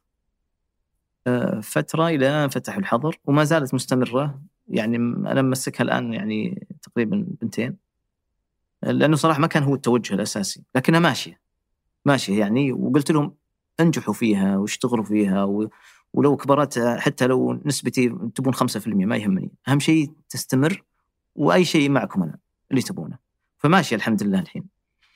ال- الآن الجهد كله على الخبراء من جديد وأنا شخصيا أيضا توجهت بعد بعد 2019 أو بداية 2019 حتى قبل كورونا بديت أتوجه للعقار. في فرنسا. بحكم العلاقات اللي بنيتها مع العملاء في معهم اللي عندها رؤوس اموال واللي فبدأوا يكلموني من باب الثقة فيني وانه ما يعرفون فرنسا إلا أنا وكذا. أبي أشتري أرض أبي أشتري بيت أبي أشتري كذا أبي أشتري فدائما أقول لهم ما عندي ما ما أبي أدخل المجال لأنه أو يعني بالعربي ما أبي أفتي في شيء ما أفقه فيه. يوم شفت الطلب يزيد كلمني واحد وهذه له قصة ثانية بس ما ينفع مرة لك لين بكرة. يعني كيف تعرفت عليه من إسبانيا؟ يعني قصة سبحان الله عجيبة وهذه من باب أنا أقولها شوف سبحان الله باب الرزق. والله العظيم يعني ما يقول واحد أنا متقي الله وكذا لكن الله عز وجل ما يتقي الله يجعل له مخرجا ويرزقه من حيث لا يحتسب. آه، كانت معلش لابد نذكر القصة هذه لعلها اللي جاه شيء من اليأس. في مشروعه ولا في حتى في حياته لا تيأس. كانت في وقت ولادة بنتي الأولى. كنا في الرياض. وقتها الآن كانت حتى بداية السياحة بس ما كان فيه لا دخل. تركت الوظيفة. في ذيك الفترة والله يستر يمكن زوجتي أول مرة تسمعها ويمكن حتى أهلي. كانت تصيح و... وأذكر أنا كتبت همسة فيها ها- اسمها همسة إملاق. كتبتها عند محطة بنزين. قالت تبي حليب. الحمد لله الأهل فيهم خير والأخوات وال- والأقارب والأصدقاء. بس ما ما أحب لأنه أنا مجرد إنك تطلب يعني أنت فاشل أو فشلت في مشروعك أو إنك وفي ناس مو بكرها فيك ولا كذا حتى من أهلك. بعض الأحيان ترى الأهل يهاجمون ال- الابن أو البنت من محبة لكنها تراها هجوم قاسي. يعني مثلا من أنت عشان تأسس شركة؟ أو أنت مجنون تترك وظيفة حكومية؟ أنت شكلك مسحور أنت لا لا. تبي لك رقية أنت. ما تقدر توصل اللي في بالك لو تتكلم اليوم لبكرة. فتبدأ خلاص توصل مرحلة إنه اسمع منه وطلع منه حتى تحقق الشيء الفلاني ثم هم يؤمنون. وأكيد ربما مريت في هذه المراحل وتمر فيها بعد. ف حليب تبغى نورة حليب. تبغى حليب. إيه. وما وما كان عندك فلوس تشتري لها حليب, حليب وقت هذيك اليوم ما فيه. صفر. صفر. قعدت أكتب ذيك الهمسة اذكر كتبتها. وكانت من قلب يعني من قلب كانت كأنها همسه يعني هي موجهة بيني وب... إيه بيني وبين رب العالمين. ف سبحان الله اتصل علي واحد. كيف حالك؟ من زمان ما كلمني. يا أخي تذكر أنت أيام الجامعة سلفتني 500 ريال؟ قلت والله ما أذكر وأنا من عادتي ما ما أحب سالفه السلف هذه ما يعني انت صديق لي تبي مثلا محتاج 500 أعطيك. يقول برد قلت ما بالحلال إلا إذا صرت مره من الاغنياء اعطني بس لا تشيل هم أنا محللك. والله فتح الله علي وكذا وأنا في المكان الفلاني وكذا. تذكرت قلت والله لازم أرجعها لك. فما قدرت أرد عليه قعدت يعني شوي أبكي. ما إيش الموقف؟ سبحان الله. فقلت طيب هذا رقم الحساب محول ما جبت حليب جبت كل شيء. ففي نفس الفترة قلت طيب أنت الآن ال 500 تخلص إيش الوضع؟ فقاعد أشتغل فكلمني اللي كان آه، معي في قضية الفيز. قال لي يا أخي في واحد محامي يبغى يروح لأسبانيا. قلت يعني قاعد أبدأ في فرنسا ويا الله طقطق فيها. إسبانيا الشعر ما حتى ما رحت لأسبانيا قال المهم تبيه؟ قلت والله أنا فاضي جيبه بس. كلمني أذكره كيف حالك؟ طيب الحمد لله. قال أبغى رحلة وكذا. وهو عنده في آي بي عقد مع شركة كبيرة دائما تنظم له. قال بس أنا والله شفت هذا الشاب سعودي ودي أخدمه فحولني عليك وقال لك شاب سعودي وطموح ون... جزاه الله خير يعني باب ترى الثقة. تبشر. قال أبغى فلة وفيها مسبح وأبغى سيارة بسواق مرسيدس فان. تبشر خلاص كم يوم؟ 20 يوم. طيب أبغى إسبانيا من ما أعرف حد في إسبانيا. وأكتشف رقم واحد اشتغلت أنا مع واحد مرشد سياحي. شاب جاء ويحب في التاريخ فهذا نزلت مع مرشد لاني اللي اللي عنده اهتمامات تاريخية وكذا مو بسياحية بس آه، يبي لي آخذ وأعطي معه في يده يفيدني. فذاك أعطاني رقم واحد في إسبانيا. قال لي هذا بروح له اسمه أبو خالد. ويشتغل معه كان وقتها الملك فهد رحمه الله والسفارة وكذا وعنده علاقات وعنده. قلت ما أحتاجه قال لي بحال خله عندك يمكن تحتاجه يوم. فعلا احتجته في ذاك اليوم. تذكرت السلام خالد كذا كذا. فتعرف هو يتعامل مع ناس كبار وكذا فقال هذا أكيد من الناس اللي بس أبغى عرض سعر وعرض سعر. طنشني أسبوع حاولت حاولت ما قلت تبي كذا. قال في شقق تبي؟ قلت لا لا ابي تدري؟ حول جوجل تعال. إسبانيا. بحث بحث بحث بحث مدة أسبوعين. كل ما ذا أرسل العميل أقول له ترى قاعدين نجهز لك عرض فريق العمل يعني عندنا مكتب في في إسبانيا ما يحتاج شغال. لين طحت على شركة إسبانية. طبعا كلها بالترجمة. شركة عندها فلل غير طبيعية. توجست منها خيفه قلت أكيد إن فيها نصب احتيال مو معقولة. أسعار مهولة. وفلل فخمة فخمة.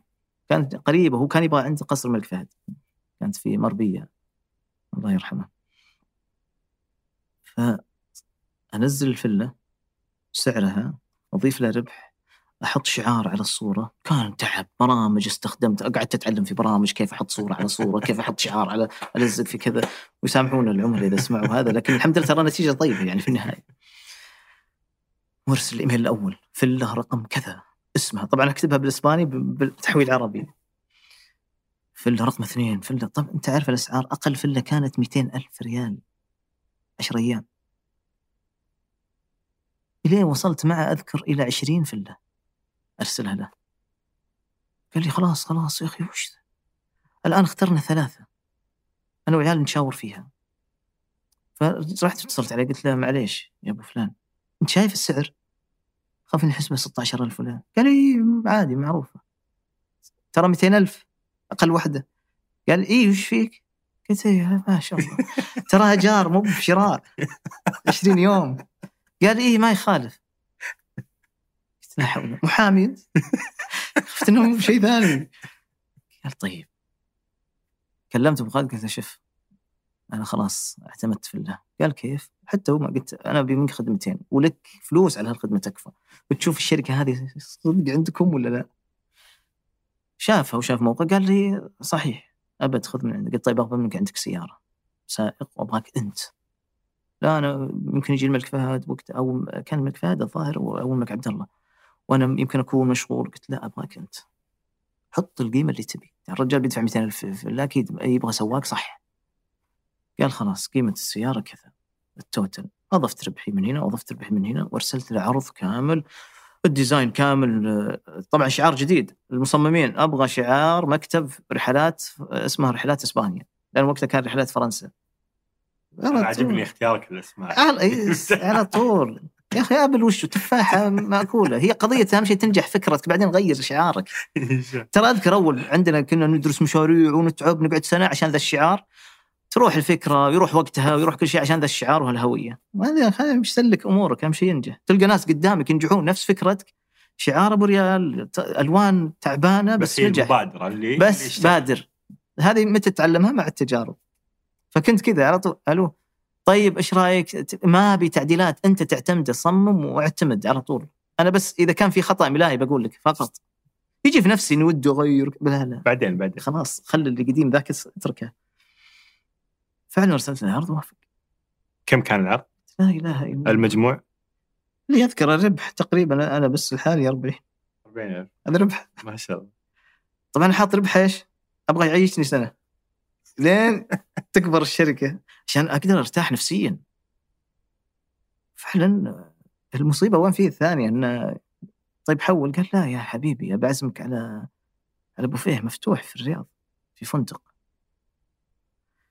رحت كلمت اللي اللي أرسل اللي قلت اسمع رجال كذا كذا. والله ما رحت عشان أنت معي. أنا بديت أخاف. وش ذا العميل؟ قال لا يا ابن الحلال روح وكذا. هو بدأ كم أعطيته كم حولت قال حصتي قلت الحين وحصتي أنا أنت قال الحين مت تقول متورط فيه ومحولة عليه قلت والله تستاهل أبشر اللي تبي. بس تتعشى معنا. يعني رحت وأنا وياه ننتظر الرجال والله دخل رجل. مستحيل تقول هذا يعني اللي كان يكلمك. إنسان بسيط جدا وهادئ ودخل. ما حتى ما عرفت إنه هو. آه أبو زيد؟ قلت نعم. يا مرحبا معي؟ كان معك محامي فلان. ما شاء الله الله يحييك. واجلس ورا دخلنا وتعشينا. طيب شيك نص المبلغ. قال النص الثاني سامحني بعطيك إياه باليورو. عندي حساب يورو وعندي حساب كذا. وقتها اكتشفت إنه في حساب يورو تقدر تفتحه في السعودية فرحت على طول فتحت حساب يورو. في البنك اللي هو فاتح فيه لأنه قد سألت قالوا ما عندنا حساب. فرحت عن ذهبي أنا. وين؟ مليونير. ما أسأل أصلا على طول أدخل. أبي حساب يورو. كيف كيف شعور لما جتك الفلوس أنت الآن صفر إيه. فعليا؟ الحساب. اي جاك مبلغ أنا بالنسبة. شوف أنا أقول لك إياها بكل صدق. إيه، هذا لعلها توفيق من الله عز وجل. مو يعني صفر ومليون هو أنا.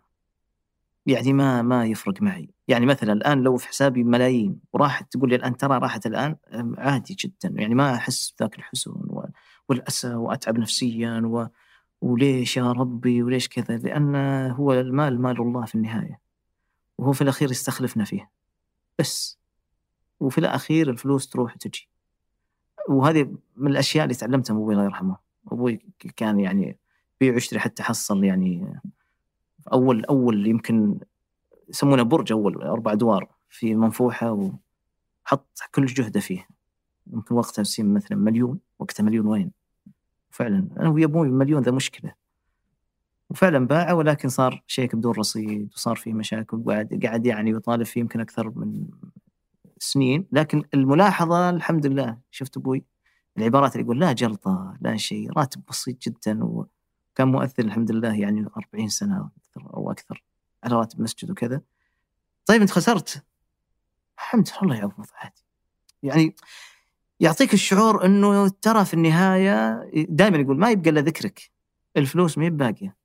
الحمد لله ما يذكرون دائما إلا بالخير كل من يعرف الله يرحمه الله يغفر له ويرحمه وموتى المسلمين ف شعور الفرح طبعا فيه شعور الفرح شعور الهبال شعور ال- الهبال هذا موجود اللي هو يعني مليون أوه كم تبي أنت؟ عندك دين؟ كم عشرة؟ والله يا أخي تفضل تضيع على طول.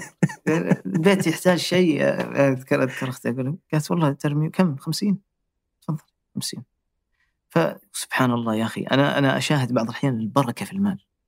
رحلة الجامعات أذكر. والله ما أدري كم في الرصيد يعني كم باقي. لدرجة مرحلة الصرف الصرف قلت يا رب يبقى لي شيء بعد الرحلة. يعني يبقى شيء. حطيت حفل حفل ختامي وحطيت هدايا للمشرفين وعطور والدنيا حتى اللي يشتغلون معي قال إيش فيك أنت مهبول مو مطلوب منك هذا قلت يا أخي وسع صدرك خلي الناس تنبسط جيب كيكة حط فيها صورتهم كلها كبيره فعلا كبيرة كذا عشان كل واحد يقطع نفسه يعني وحفل ختامي. شفت؟ وإلقاء كلمة وحماس الحمد لله ما في أحد من الطلاب قال أنا أبي فلوس ولا كان والله أقول جيب جيب كم باقي في الرصيد وزع شيكات. لأن جايب معي دفتر الشيكات وأنا ما عمري كتبت شيك بس جايب بس اشخص فيه. يمكن أحد يحتاج شيء. ما حد بيصرفه في فرنسا. ما حد صارفه سبحان الله خلصنا اللي يشتغلون معي خمسة. والله العظيم إني متفق معهم كل واحد على مبلغ. مثلا 2000 يورو 3000 يورو. يوم خلصنا قلت تعالوا كل واحد ورقة بيضاء قلت شوف أنا أعطيتك بناء على تصوراتي العشر أيام اللي بتشتغل معي. هو مو موظف كان متعاون أخذتك 10 أيام.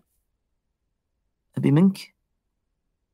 بيني وبينك رب العالمين تكتب المبلغ اللي يرضيك أنت. تشعر أنه تعبك يستحق. ولو كنت متفق 2000 وانه ما تعبك يستحق أقل اكتب أقل. بس أنت المسؤول اللي بتكتبه ترى بيجيك. وأنا وفي اللحظة والله ما أدري كم في الرصيد. كل واحد أغلبهم كتب نفس المبلغ إلا واحد. فضح نفسه. أكيد أكتب لي أكتب الحلال أكتب أنا عارف إنك تبغى تزيد. أكتب اللي تبي. زاد على مبلغه 1000 يورو. وفعلا يستحق. يعني هو يستحق يعني. وأنا زدته مو ب 1000 2000 يعني زيادة لأنه هو يستحق إنك كنت معطيه أكثر. أعطى نفسه برضو أقل فقلت قلت كل واحد يجيه المبلغ إن شاء الله اللي يبيه. فعلا أعطيت كل واحد المبلغ اللي يبيه. رحت ما شفت الرصيد إلا يوم رجعت على طول الرحلة اللي بعد على طول بعد الرحلة يومين نوم يعني طول الرحلة 10 أيام النوم هذا صفر صفر. يعني تخيل أفز من النوم. الطلاب المشرف إيش يبي؟ ما حد يا ابن الحلال ارقد. يجون ارقد ارقد رحت وفتحت الحساب. والله ألقى فيه مبلغ. قسما بالله أحس إنه أحس إني ما صرفت شيء يعني بالنسبة لي فوق ال 200 فوق 200 ألف. فرحت مسكت الحسابات من أول جديد أكيد في أحد ما أخذ يا فندق يا كذا والله لحظتها شعرت بمعنى البركة بركة المال دائما أقول بركة المال حتى بركة الراتب كيف تعرفها؟ تجد واحد راتبه مثلا 40 50 يمكن نص الشهر آخر الشهر يقول يا أخي أخي ما أدري وين أصرف راتبي. يشعر إنه الشعور هذا ترى كأنه ما في بركة، الثاني راتبه أقل يقول يا أخي احس اني أصرف وما خلص راتبي. هذه فيها بركة، والبركة تأتي من تحري الحلال. تأتي من الدعاء الدائم، اللهم بارك لي في مالي، اللهم بارك لي في مالي. تأتي أيضا من التورع من الحرام ومن الشبهات. أنا ما أنكر أني جتني عروض جتني أشياء ربما فيها يعني يكون مال مال يعني أنا أذكر جاني عرض مال كبير في أحد الأعمال رفضته لأن فيه خلينا نقول رشوة رفضت رفضته آه، إيش إيش كانت الفكرة؟ انت أقبل. كان عندي مؤسسة بسيطة وكذا قال بس لأني أنا أعرفك أنا بدخلك وبعطيك هذا. فتقبل بسعر مختلف مبلغ كبير جدا. بس بشرط إنه هذا أخذه أنا وأنت تأخذ كذا وإنه كذا. قلت لا. يا أخي الناس كلها كذا. قلت والله الناس تبي تدخل النار. بكيف أنا يعني مو بهمي يعني. لو شوف لو أنا بخلد في الدنيا والله ما أخليها. في الأخير الحياة وش وش الحياة؟ حتى الله ذكر في سورة المؤمن أطوار خلقك في بطن أمك ثم في الأخير ما قال يعني بعدين آه، فتبارك الله أحسن الخالقين ما قال بعدها ثم ستعيشون وتأكلون وتشربون قال ثم إنكم بعد ذلك لميتون. يعني وين وين طيب والحياة وينها؟ إنه ما لها قيمة ما لها شيء في في هذا ترى يعني ذكر الله تسع أشهر في بطن أمك لكن ما ذكر الحياة. حياة بتروح بسيطة جدا. فالواحد دائما يعني ربما انتقل فيها في آخر نقطة ما أنا ما أدري عن الوقت يعني أخذت من وقت كثير. الوقت مثل رصيدك اللي في الحساب الحمد لله. أجل نمشي. ما ندري يعني نطالع نطالع بعدين إذا خلصنا إن شاء الله. نشوف إيش السالفة. سبحان الله. التجارة بشكل عام علمتني شيء عظيم عظيم عظيم. أه تعرف أنت الوظيفة دائما في في شعور ارتباط بالمدير. لازم يرضى المدير ولازم أستأذن المدير والخصم وما الخصم وكذا. التجاره ارتباطك مع الرزاق مباشرة. ما في شيء اسمه مدير ولا في شيء اسمه راتب ولا في شيء اسمه أنت وفي السماء رزقكم وما تعودون. أنت دائما في التجارة شعوري أنا أعتقد اللي جرب هذا كله آه، كل خاصة كل ما ضاقت بك السبل تقترب إلى الله أكثر لأنه هو مولاك وهو الرزاق. وتبدأ تتعرف على أسماء الله وصفاته. وتبدأ حتى صلاتك دعائك تشعر له شيء آخر أنه ترى ما في أحد إلا الله. لن تنتظر آخر الشهر راتب لن تنتظر ترقية ولا ولا زيادة. لازم الله يرزقك. فأنت تشتغل تشتغل بعدين لما تسجد تشعر أنه الآن هو العمل الحقيقي. كل هذا الجهد لن يأتي بثمرة إلا لأن الله يأمر. كن فيكون. فتصبر تصبر تصبر لما يأتيك الفرج بطريقة غريبة. وهذا اللي يرجعني الحين تذكرت يرجعني للعقار. ليش رجعتنا لقضية إسبانيا؟ الرجل الإسباني في العقار. هذا اللي راح إسبانيا مع اللي كان يشتغل هناك أصبح صديق له وهو هو أجنبي وأصبح كفيلة في السعودية. وفتح لي هذاك باب رزق من هذا الرجل. صار يشتغل معه في في إسبانيا في في مشاريع بلاط ورخام وكذا. وأنا ما كنت أعرف السالفة هذه كلها. بس كان اللي في اسبانيا بارك الله فيك صار صاحب لي. شكرا لك يا أخي أنت ما أعطيتني يعني وش كلها سيارة بسواق يعني. آه وباله شيء ثاني. كلمني هذا اللي في إسبانيا 2019 أصبح صديق يعني نتزاور في فرنسا إسبانيا ورحت عنده في أسبوع في إسبانيا.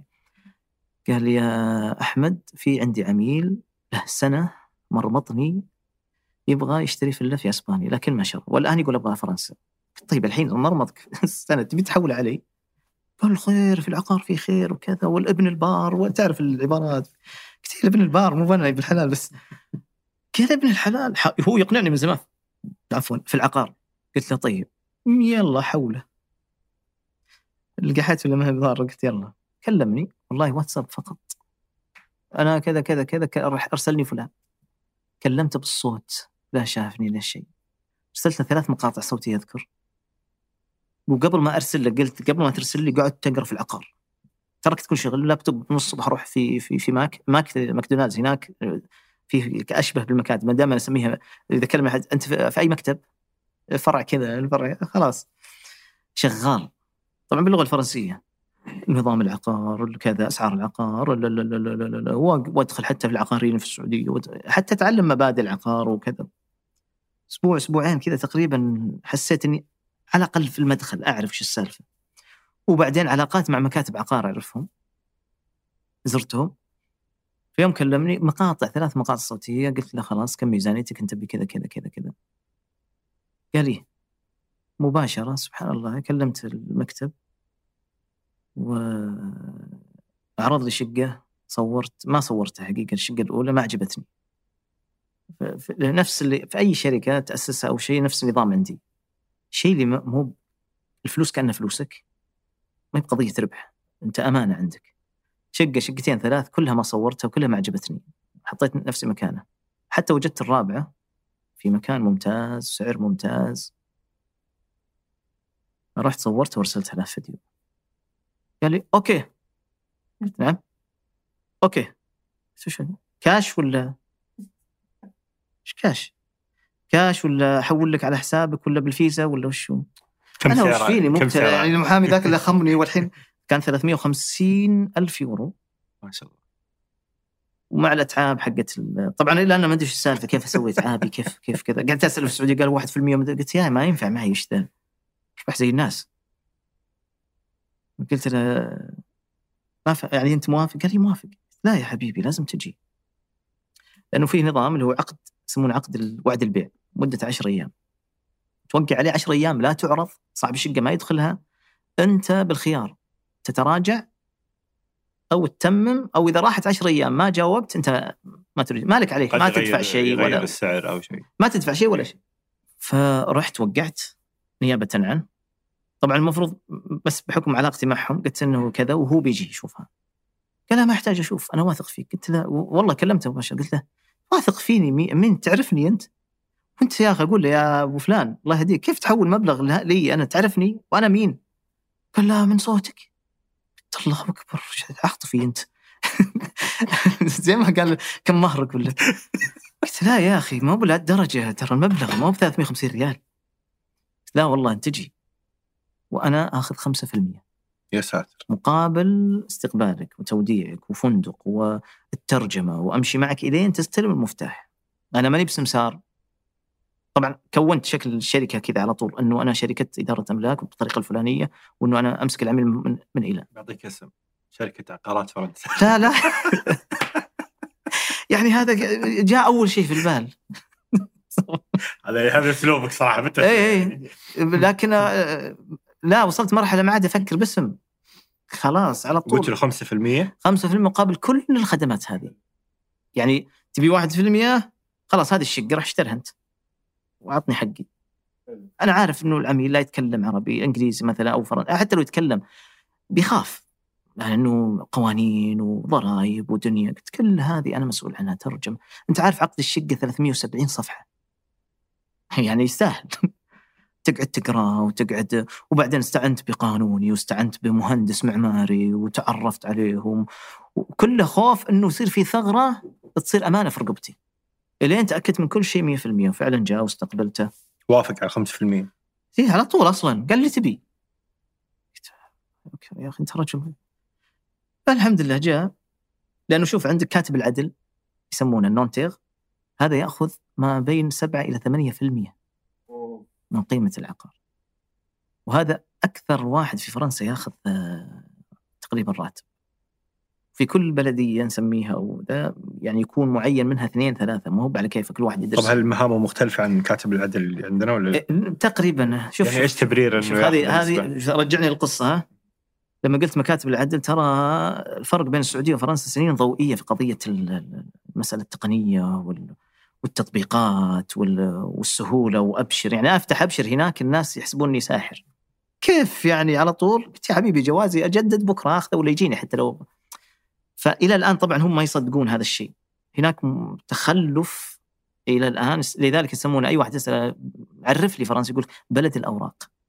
ما زال ملفك ذاك الأخضر ملفات وأوراق ومواعيد وروح ومسك سره يعني يعني حتى نظامنا القديم اللي قبل أفضل منهم. ففي فرق كبير. هذا من الإيجابيات الكبيرة اللي عندنا اللي الناس يتوقع يعني خاصة اللي الغرب وفرنسا وأوروبا. يشعر إنه يعني البلدان الحالمة اللي كل شيء فيها صح. لا والله يعانون جدا. يعني أنا هناك مقيم وأعاني من هذه المسألة. مواعيد يعني تجدد إقامة تجدد جواز تجدد كذا يا شيخ مثل الهم. يعني لدرجة بعضهم ما يبي ما يبي يجدد. فرجعني للي تو برجعك للي تو بس الشقة بعتها وأخذت 5% اي و... فالحمد لله استقبلناه. أنا يعني بس زار الشقة أنا ما بعد أول غرفتين خلاص قل يقول هو بالعربي يفهمون؟ قلت لا ما يفهمون. قلت له قلت له خلاص. قلت طيب اصبر 10 أيام.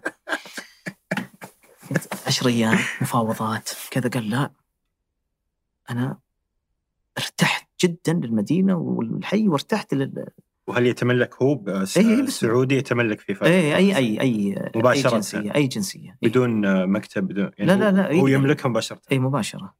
حتى ما عندك إقامة ما عندك جنسية يلا قد يجيك زباين من الحليب. إي لا لا لا. وتملك دائم يعني غير بريطاني اللي هو 100 سنة وكذا لا. هذا تملك دائم. وطبعا هو سألني ذا الأسئلة وكذا وقرأت قبل وكل شيء الحمد لله. الحمد لله تمت البيعة ورجع وكملت أنا الخطوات مع notaire حتى يكون الموعد الأخير إنه يجي ويوقع التوقيع ويأخذ الصك والمفاتيح. حتى الحمد لله أخذ المفاتيح واعطيتيه عند باب الكاتب العدل قلت الحمد لله الآن وجبت خمسة حقتي. قال ابشر بها لكن هذا المفتاح عندك. قال له ولا تدري نلتقي في الشانز كان هو حاجز من شانز التقينا في هو قال أنا أبغى هذا الأوراق وهذا. تاثثها قلت إذا نحولها قسم إدارة التأثير. اقسامكم واجد قال ما شاء الله عندك تبشر على طول كذا برمجه في مخك. طبعا مو باسمها رحلات التأثيث وذا لا. فالحمد لله أثثت لها تأثير شقق فرنسا نعم نعم. لا الحمد لله أثاث ما شاء الله الحمد لله من من من من, من ايكيا وكذا وتأثيث جيد يعني الحمد لله. زين؟ ما شاء الله ما شاء الله. يا أخي يقطع يقطع. ما ما راح يقطع روح إيه. فبعد أصبر باقي إدارة جت جديدة. إدارة أملاك. جدا أحسنت. كفو لأنه خلصنا التأثيث. مبلغ التأثيث كم؟ قلت والله ما أدري. لأني تحدثت وخلصت ما اتفقت معك. يا حبيبي اللي بتحول حول. فحول لي مبلغ. ها زين. قلت والله زين. الحمد لله خير. تعرف اللي ودك تزيد بس ما ودك ت... يعني تقول بس تعطيه عباره إيحاء. ما بداني إلا جيني نفس المبلغ دبل. يا ساتر. لا هنا عاد أرسلت قلت يا أخي خلاص إيه كثير خلاص كذا زين قال. لا والله تستاهل وكذا قلت بارك الله فيك. طيب وش أسوي بهالشقة؟ هو على إنه مثلا يجي كل صيف وكذا جت كورونا. قال أصلا لا أنا ما وش رأيك إيش أسوي بها؟ أجرها سنوي اجرها كذا اجرها كذا كذا كذا. قلت لي تبي تبي نحولها إدارة الأملاك؟ عندي قسم إدارة الأملاك. الله. إدارة أملاك. وشغلتها إلى يومك في Airbnb آه ما شاء الله. اشتركت في الضرائب اشتركت طبعا أنا ماسك كل شيء فيها اللي قضية الضرائب ما ما له علاقة في أي شيء كهرب إنترنت متابعة كل شيء. يعني حتى حتى الإنترنت لما يكون في عرض أفضل على طول أروح الغي واشبك هذا؟ مع إنه بالنسبة له مثلا ما يكلف من من 40 يورو إلى 30 يورو. بس تشعر إنه لما تشعر إن هذا البيت بيتك آه، وتحس إنه هذا بيفيده تسويه. فمستمر فيه والعلاقات اللي بنيتها تحولت إلى لقاءات زوم واجتماعات إلى يومك مع مهندسين في مرسيليا في ليون في باريس والتقيت بناس 40 50 سنة وناس كبار سن وناس عقاريين وناس كذا.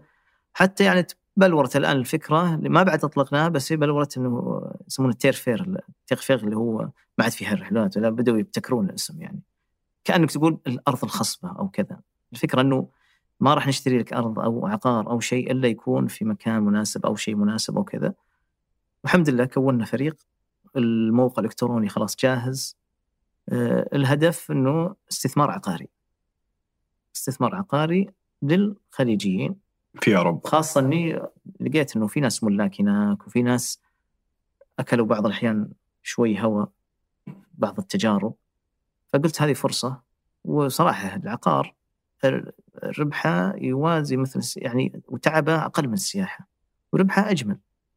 سياحة متعبة متعبة لأنك حتى العميل حتى شوف لو عندي 20 عميل في يوم واحد أنا كأحمد ما أرتاح إلا أعرف أخبار كل واحد.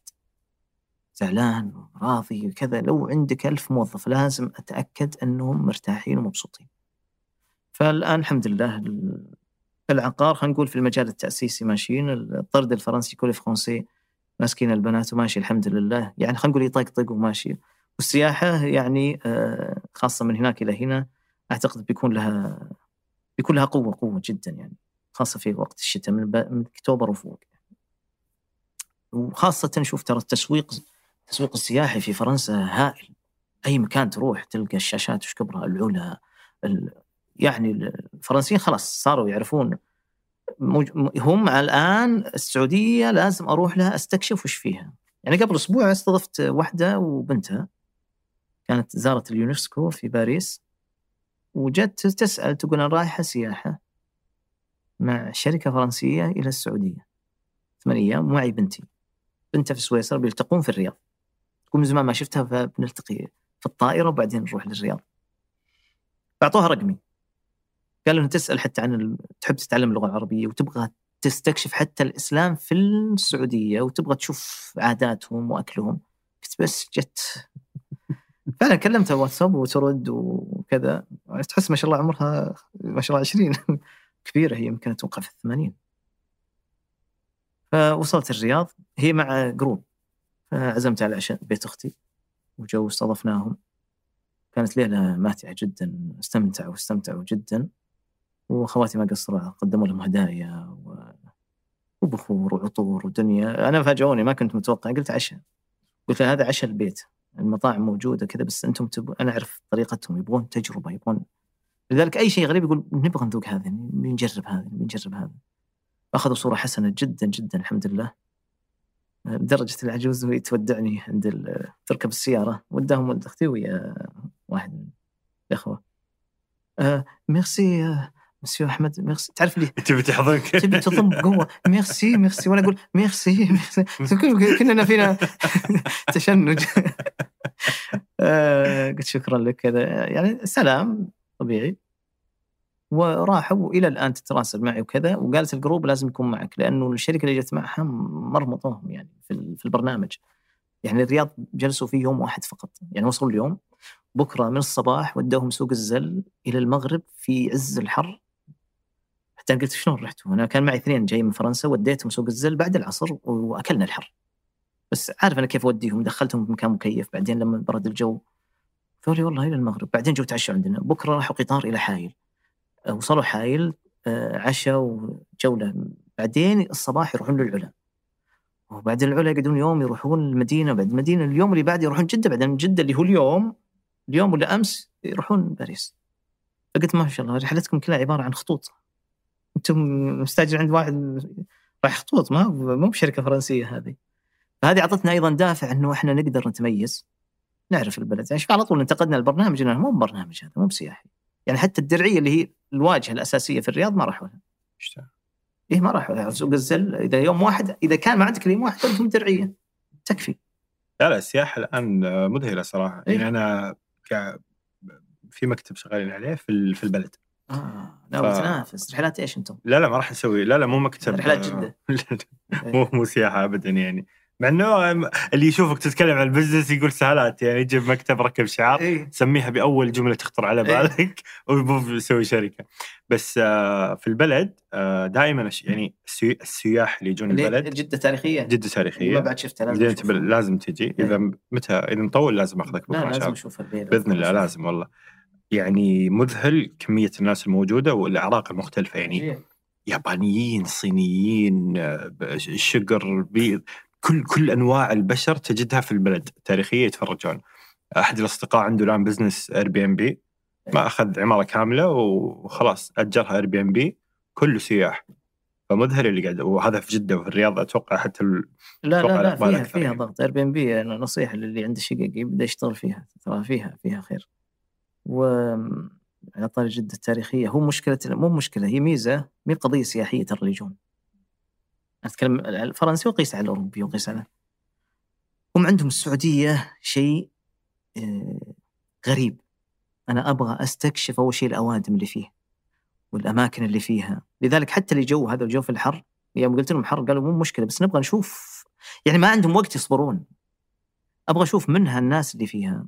وكيف ياكلون كيف يشربون هل التصورات اللي عندنا صح أنت عارف فترة من الفترات أنا أذكرها الفرنسيين لما اتكلم معهم تذكر جت فترة اللي هي خاصة في المساجد جاء تفجير في المدينة وكذا طبعا هناك تنتشر المقاطع غالبا ما تنتشر المقاطع إلا السوداوية.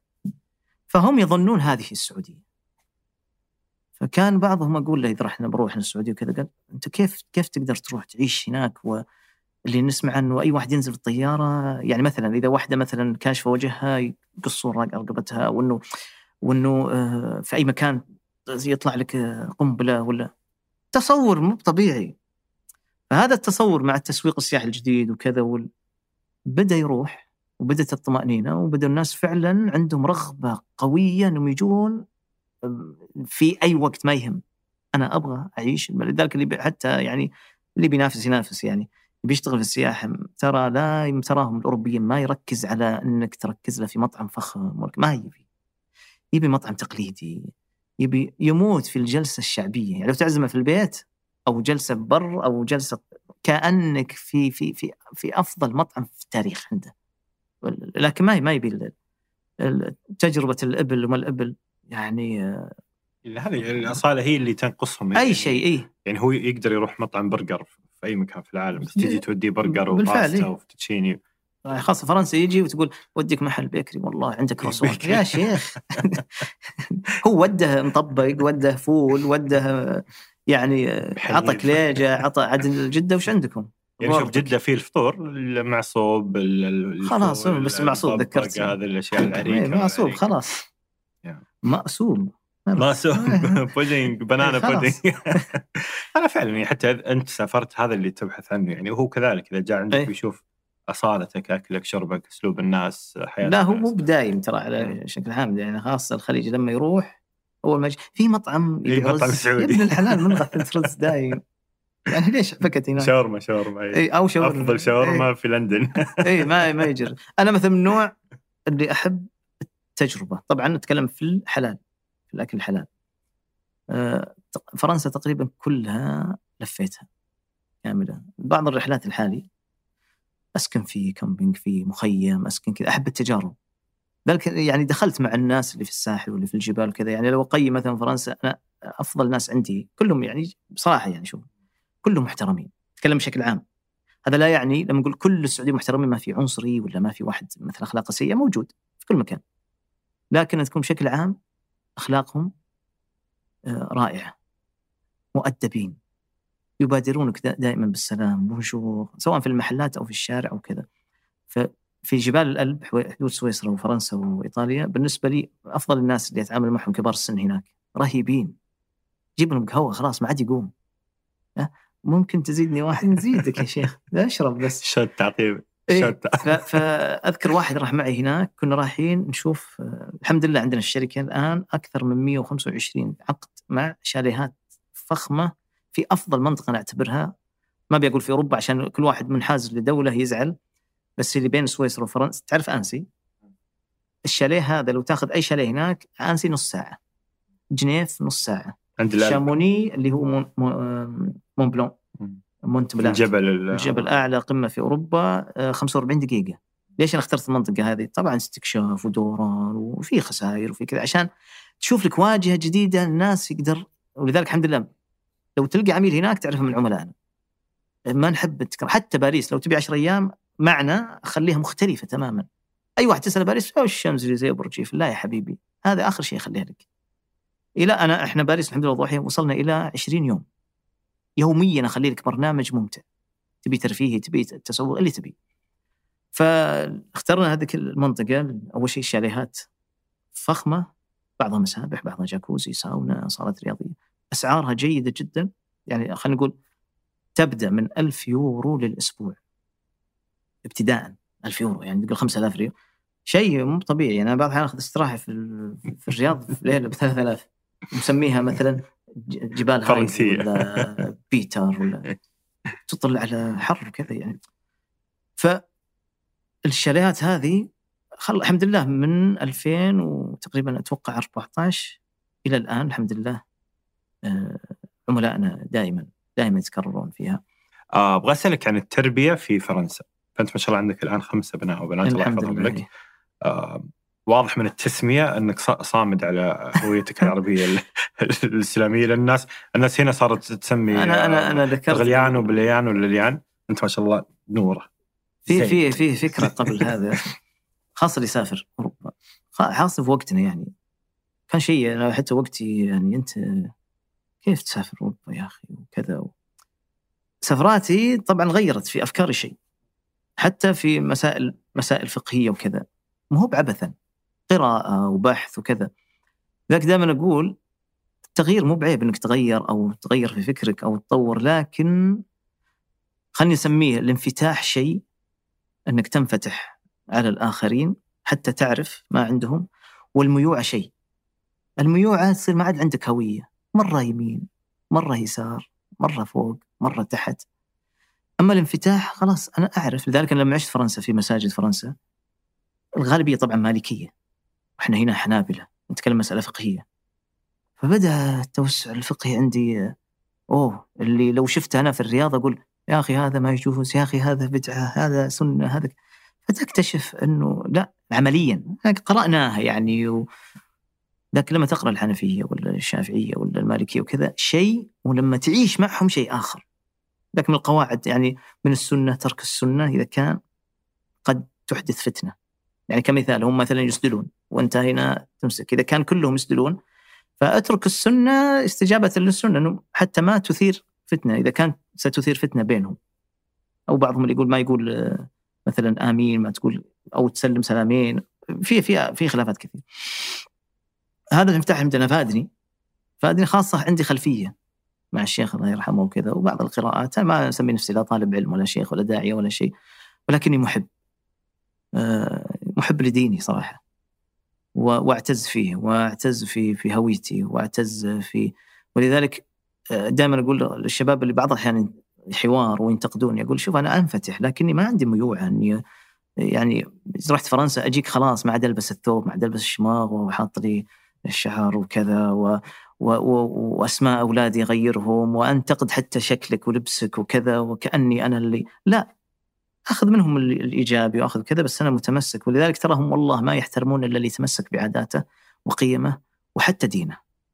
اللي يشوفونه ما يعني ما عنده ما عنده آه، يعني مبادئ يثبت عليها ترى ما يكون احترامه شديد عندهم. فالحمد لله يعني هذه أسماء الأولاد مثل ما ذكرت يعني آه، أنا أعتبرها اسم الوالدة الله يرحمها نورة نورة وزيد باسم الوالد رحمه الله ويوسف كان امنيه عند ام رحمة تحب هذا الاسم. ما ما اعرف ليش. ربما من قصة يوسف عليه السلام. فسميته يوسف الحمد لله. وتسنيم وسيرين. أنا اخترت ثلاثة وهي اختارت تسنيم وسيرين كل واحد مزاجه. ف أما التربية لما نحول على التربية بشكل عام رب يعني شوف ما يعني ما أقول أنا مثالي ولا كذا بس أنا أعتقد ان إنها أسرة يعني الحمد لله ناضجة وأسرة آه، يعني الحمد لله يعني بيئة طيبة الحمد لله خاصة بيئة جدها يعني اختيار أخوالها يعني يعني خالها مثلا مهندس وحافظ قرآن. الثاني نفس الشيء آه، صيدلي حافظ آه، يعني جزء من القرآن واهتماماتهم يعني. آه، بس عندي في قضية التربية في الزمن هذا والتربية في الزمن السابق إنه الأب له مسؤولية أكبر من الأم ربما توازي الأم أقصد مو مثل اول، أول تعرف يربي الجار ويربي الإمام يربي خالك وعمك و... والحارة وال... ما تقدر تطلع من عندهم. الآن آه، الجوال يربي الإنترنت كل شيء يربي فوجود الأب حتى لو كان يشتغل أنا قاعد أنصحه الآن إذا ما تقول ما عاد عندي وقت حتى وقتك لأصحابك اتركه وخلى لاولادك. مو بالأم فقط لأنه الآن مسؤولية كبيرة، لازم الأب يكون قريب جدا لأبنائه. أنا يعني تقريبا جزء من وقتي اليومي مع أولادي. في البيت، سواء لعب، سواء نطبخ مع بعض، سواء كنز، سواء تنظيف، ترتيب، أشياء طقاق، مشاكل. مرة تحس إني أخوهم الكبير زي فهمت؟ آه، لعب معهم كورة في الصالة، آه، أي شيء ما في مشكلة. غير زراعة القيم يعني كثير من القيم تزرعها أصلا وأنت تلعب معهم وأنت كذا وأنت كذا وأنا أشوف أثرها والله الحمد يعني أثرها موجود الحمد لله. لذلك يعني أرجع أقول قضية البيئة. أول عن الحين أنا أشوفها اختلفت الآن العالم صار عالم واحد. فقد تجد أسرة عايشة مثلا في في في في السعودية مثلا الآن تجد أولادهم للأسف ما فيهم أحد ناجح لا في دين ولا دنيا. وتجد أسرة نفسها موجودة في أوروبا في فرنسا ما شاء الله ناجحين. وتجد أيضا العكس وأسرة هنا ناجحة وكذا. فالأساس معناته هو البيت. البيئة اللي برا هي مساعدة. تساعدك. ولذلك أنا هذا دائما أقول أنا الحمد لله أنا ما زال إلى الآن الكبيرة عمرها 11 وصلت والصغير يوسف سنتين 2021 هي سنتين. فالحمد لله يعني من الأشياء اللي أنا أحب أزرعها دائما في أولادي منهم صغار. شيء إحنا ما تربينا عليه بشكل تعرف من يوم صار أه سو كذا ترى الله يحطك في النار. إذا ما صليت الله بيحطك في النار. فدرجة أنه ترى في من من ترسبات الحين في ناس وصل إلى مرحلة الإلحاد إيش الاله اللي كله تعذيب تعذيب نار نار نار نار نار نار. فأول شيء أنا أحاول ازرعه فيهم هو محبة الله. والله يا إخواني الحياة كلها بدون جود أنك تستشعر محبة الله والله لن تجد السعادة ولن تجد محبة الله إلا أن تتعرف على الله.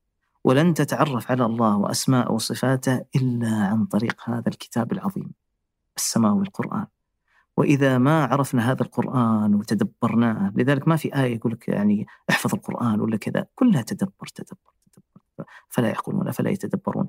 تدبر آية واحدة فقط ويفتح الله عليك فيها قسم بالله كأنك ملكت الدنيا. لدرجة أنك تقول إيش هذا الكنز أنا ما أبغى أترك القرآن. يعني مثلا تجد واحد يقرأ مقال ولا كتاب ولا خطاب حتى لو ملك من ملوك الدنيا ويقرأه مرة واحدة تقول له إيش يا أخي قال الملك وقال كذا مع أنه ما قرأ إلا مرة واحدة ويفصل لك ويحاول يقنعك وكذا. طيب أنت ممكن تقرأ عشر صفحات تقول له أصلا وش قرأت؟ يقول والله قرآن وش قرأت؟ ما أدري. قلب لاهي والتدبر لو تقرأ فقط يعني أنا دائما أقول التفاسير كثير منها متشابه يعني كأنها نسخ آه، وليست كلها طبعا لكن تقرأ حتى تعرف معنى هذا ومعنى الآية هذه والعاديات والفلق و. أما التدبر خلاص أنت عرفت معنى الآيات والكلمات أسباب نزول مثلا تحاول تقرأ ثم تجد إذا أنت اجتهدت وجاهدت كأن الله ينزل عليك معنى ما حد نزل عليه. فتلقاك يغير حياتك ويغير الآخرين. لذلك دائما أقول أنا أنا عن نفسي يعني أشياء سلوكيات في حياتي حتى بعد الثلاثين وكذا تغيرت بآية. بآية وقعت في القلب أو سمعتها أو كذا. القرآن هو يعني صراحة هو هو الكنز في هذه الدنيا وهو فعلا جنة الدنيا.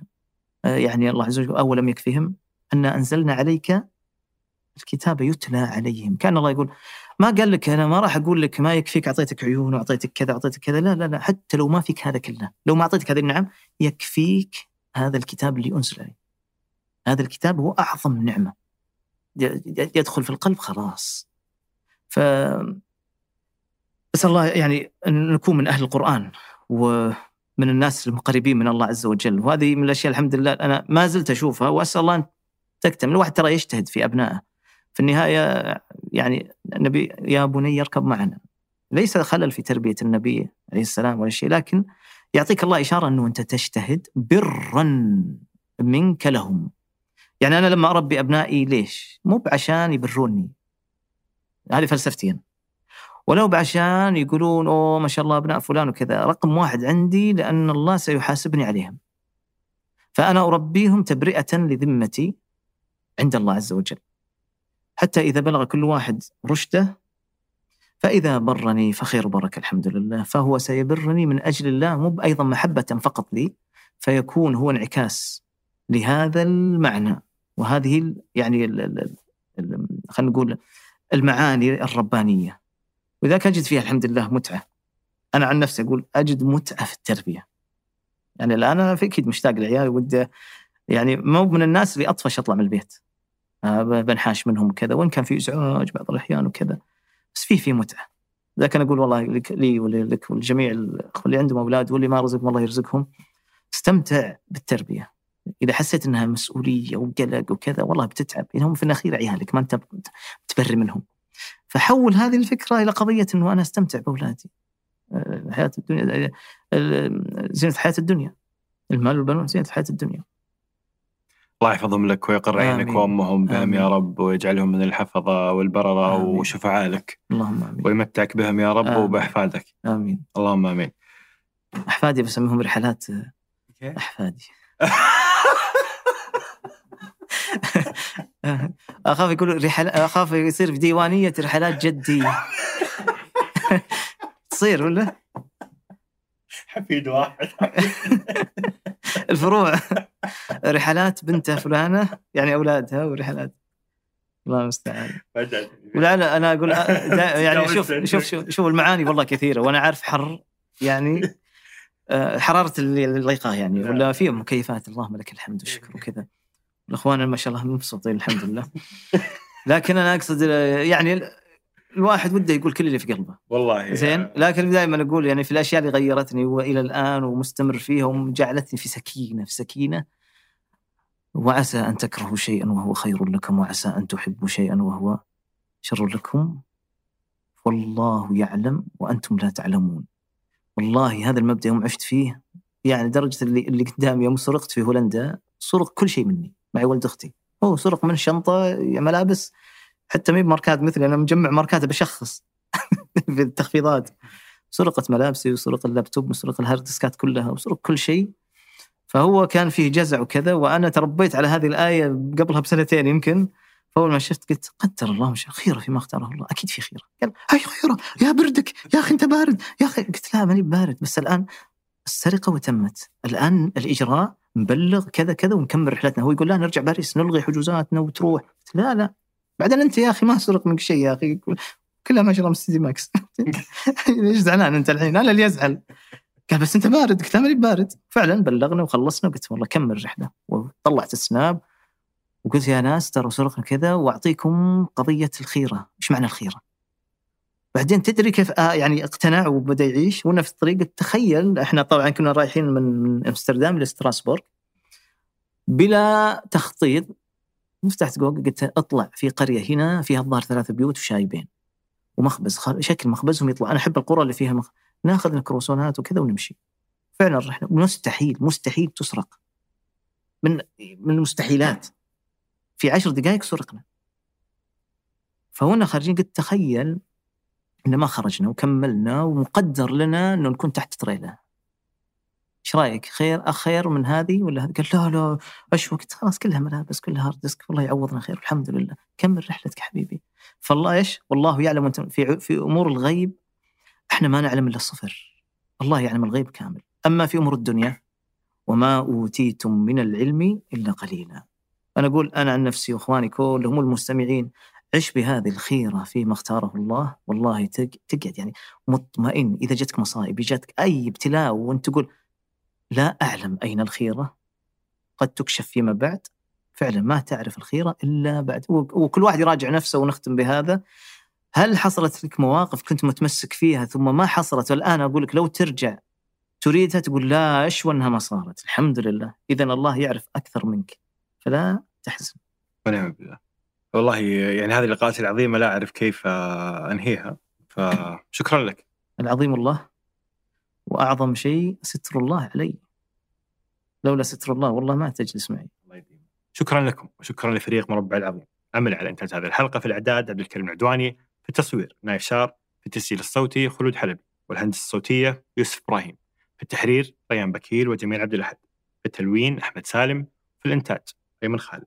إدارة محتوى التواصل الاجتماعي نور السبيعي. فيعطيهم العافية جميعا.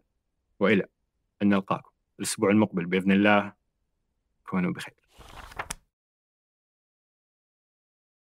عندي مشكلة بسيطة. أو خلينا نقول تحدي بسيط مع زوجتي. أنا لاحظت من عيونك أصلا. هو أعتقد إن شاء الله الوقت نشر الحلقة ما ينفع الآن. ينحل.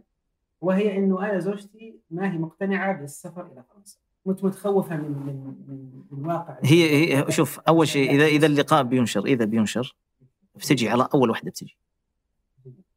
طيب يعني تبي نزيد اللقاء ونتكلم عشان زوجته؟ بس آه اللي اللي خايف قول له قول له الحين إيش إيش إيش السؤال؟ بس إنه يعني ما يعني ما هو واقع جاليات المسلمة كل م... صراحة شوف كل متخوفة. أنا آخر واحد جاء وزوجته متخوفة وأيضا هي منقبة. اليوم جت انعكست الصورة عندها 180 درجة خاصة لما دخلت المساجد وشافت ال... يعني الحين في رمضان هذا سوينا مسابقة قرآن اللي سجل فقط وقفنا تسجيل 500 ما بين آه، بنات وشباب في باريس؟ وقفنا التسجيل من قبل ما يبدأ رمضان. واللي حصلت على الأولى وحفظت القرآن كامل وكل شيء عمرها 56 أنا انصدمت أنا اللي أعطيتها الجائزة قالوا أنت عطها الجائزة الأولى هذه أنت اللي عطها الجائزة. أنا يعني تقريبا يعني أصلي بهم تراويح وبعض الأحيان خطب جمعة وكذا. يعني للأسف يحسنون الظن لأنه عندي لغة عربية وسعودي سعودي خلاص. إيه صحابي. فأنا أبشرك هناك أنا أعقد أنكحة وأطلق. إن شاء الله ما أطلق إن شاء الله. وأصلح بين الأزواج وارقي و بغيت أقول واسحر. شو اسمه؟ لا لا. إمام خطيب مؤذن ماموم كلها. الحمد لله. زوجة عبد الكريم خلاص الحلقة تكفيها وتقتنع إن لا لا إن شاء الله تقتنع. وإذا ما اقتنعت شغل سبيكر وكلمني كفو لأن واحد سواه شغل سبيكر مو بنقل براسه قالت ورا ما نحجز فرنسا بكرة.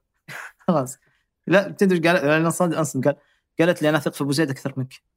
قال له قوية دي لأن أنا مزوجهم يعني من زمان أيام الشباب أنا اللي سعيت لاني زوجته يعني تخيل من عمر 20 وأنا أزوج. تفصيلة مهمة في القصة ترى يعني نسيت تقولها يعني. الله يعطيك العافية. أنا قصة زواجي أصلا طبعا أنا قعدت من من, من ثالث ثانوي إلى وصل عمري 32 وأنا أحاول أتزوج. من ثالث ثانوي. لذلك أقول لك شوف الخيرة كم واحدة كنت أموت ولا لا أخذها لكن ما ما حصل. والآن لو تقول لي ترجع أقول لا. بفكر واحد ولد منفوحه يتزوج في باريس. ما تجي. والله بغيت الف كتاب مرة من منفوحة إلى باريس يعني إيش تقول؟ يعني هل هي بتكون قصة خيالية؟ لا خاصه أنت تعيش من حي معروف فقير وقديم. لما تقول منفوحة تقول مستحيل يعرف باريس. ترى أول سفرة لي في حياتي في خارج المملكة باريس. يعني متخيل يعني. جده جده ما جيتها من منفوحه إلى باريس جده اللي على عزنا يقولون منفتحة إيه، وكذا. عنوان. اللقاء ها ها. هذا عنوان اللقاء الظاهر من منفوحه رحلات. منفوحة لا لا استغفر الله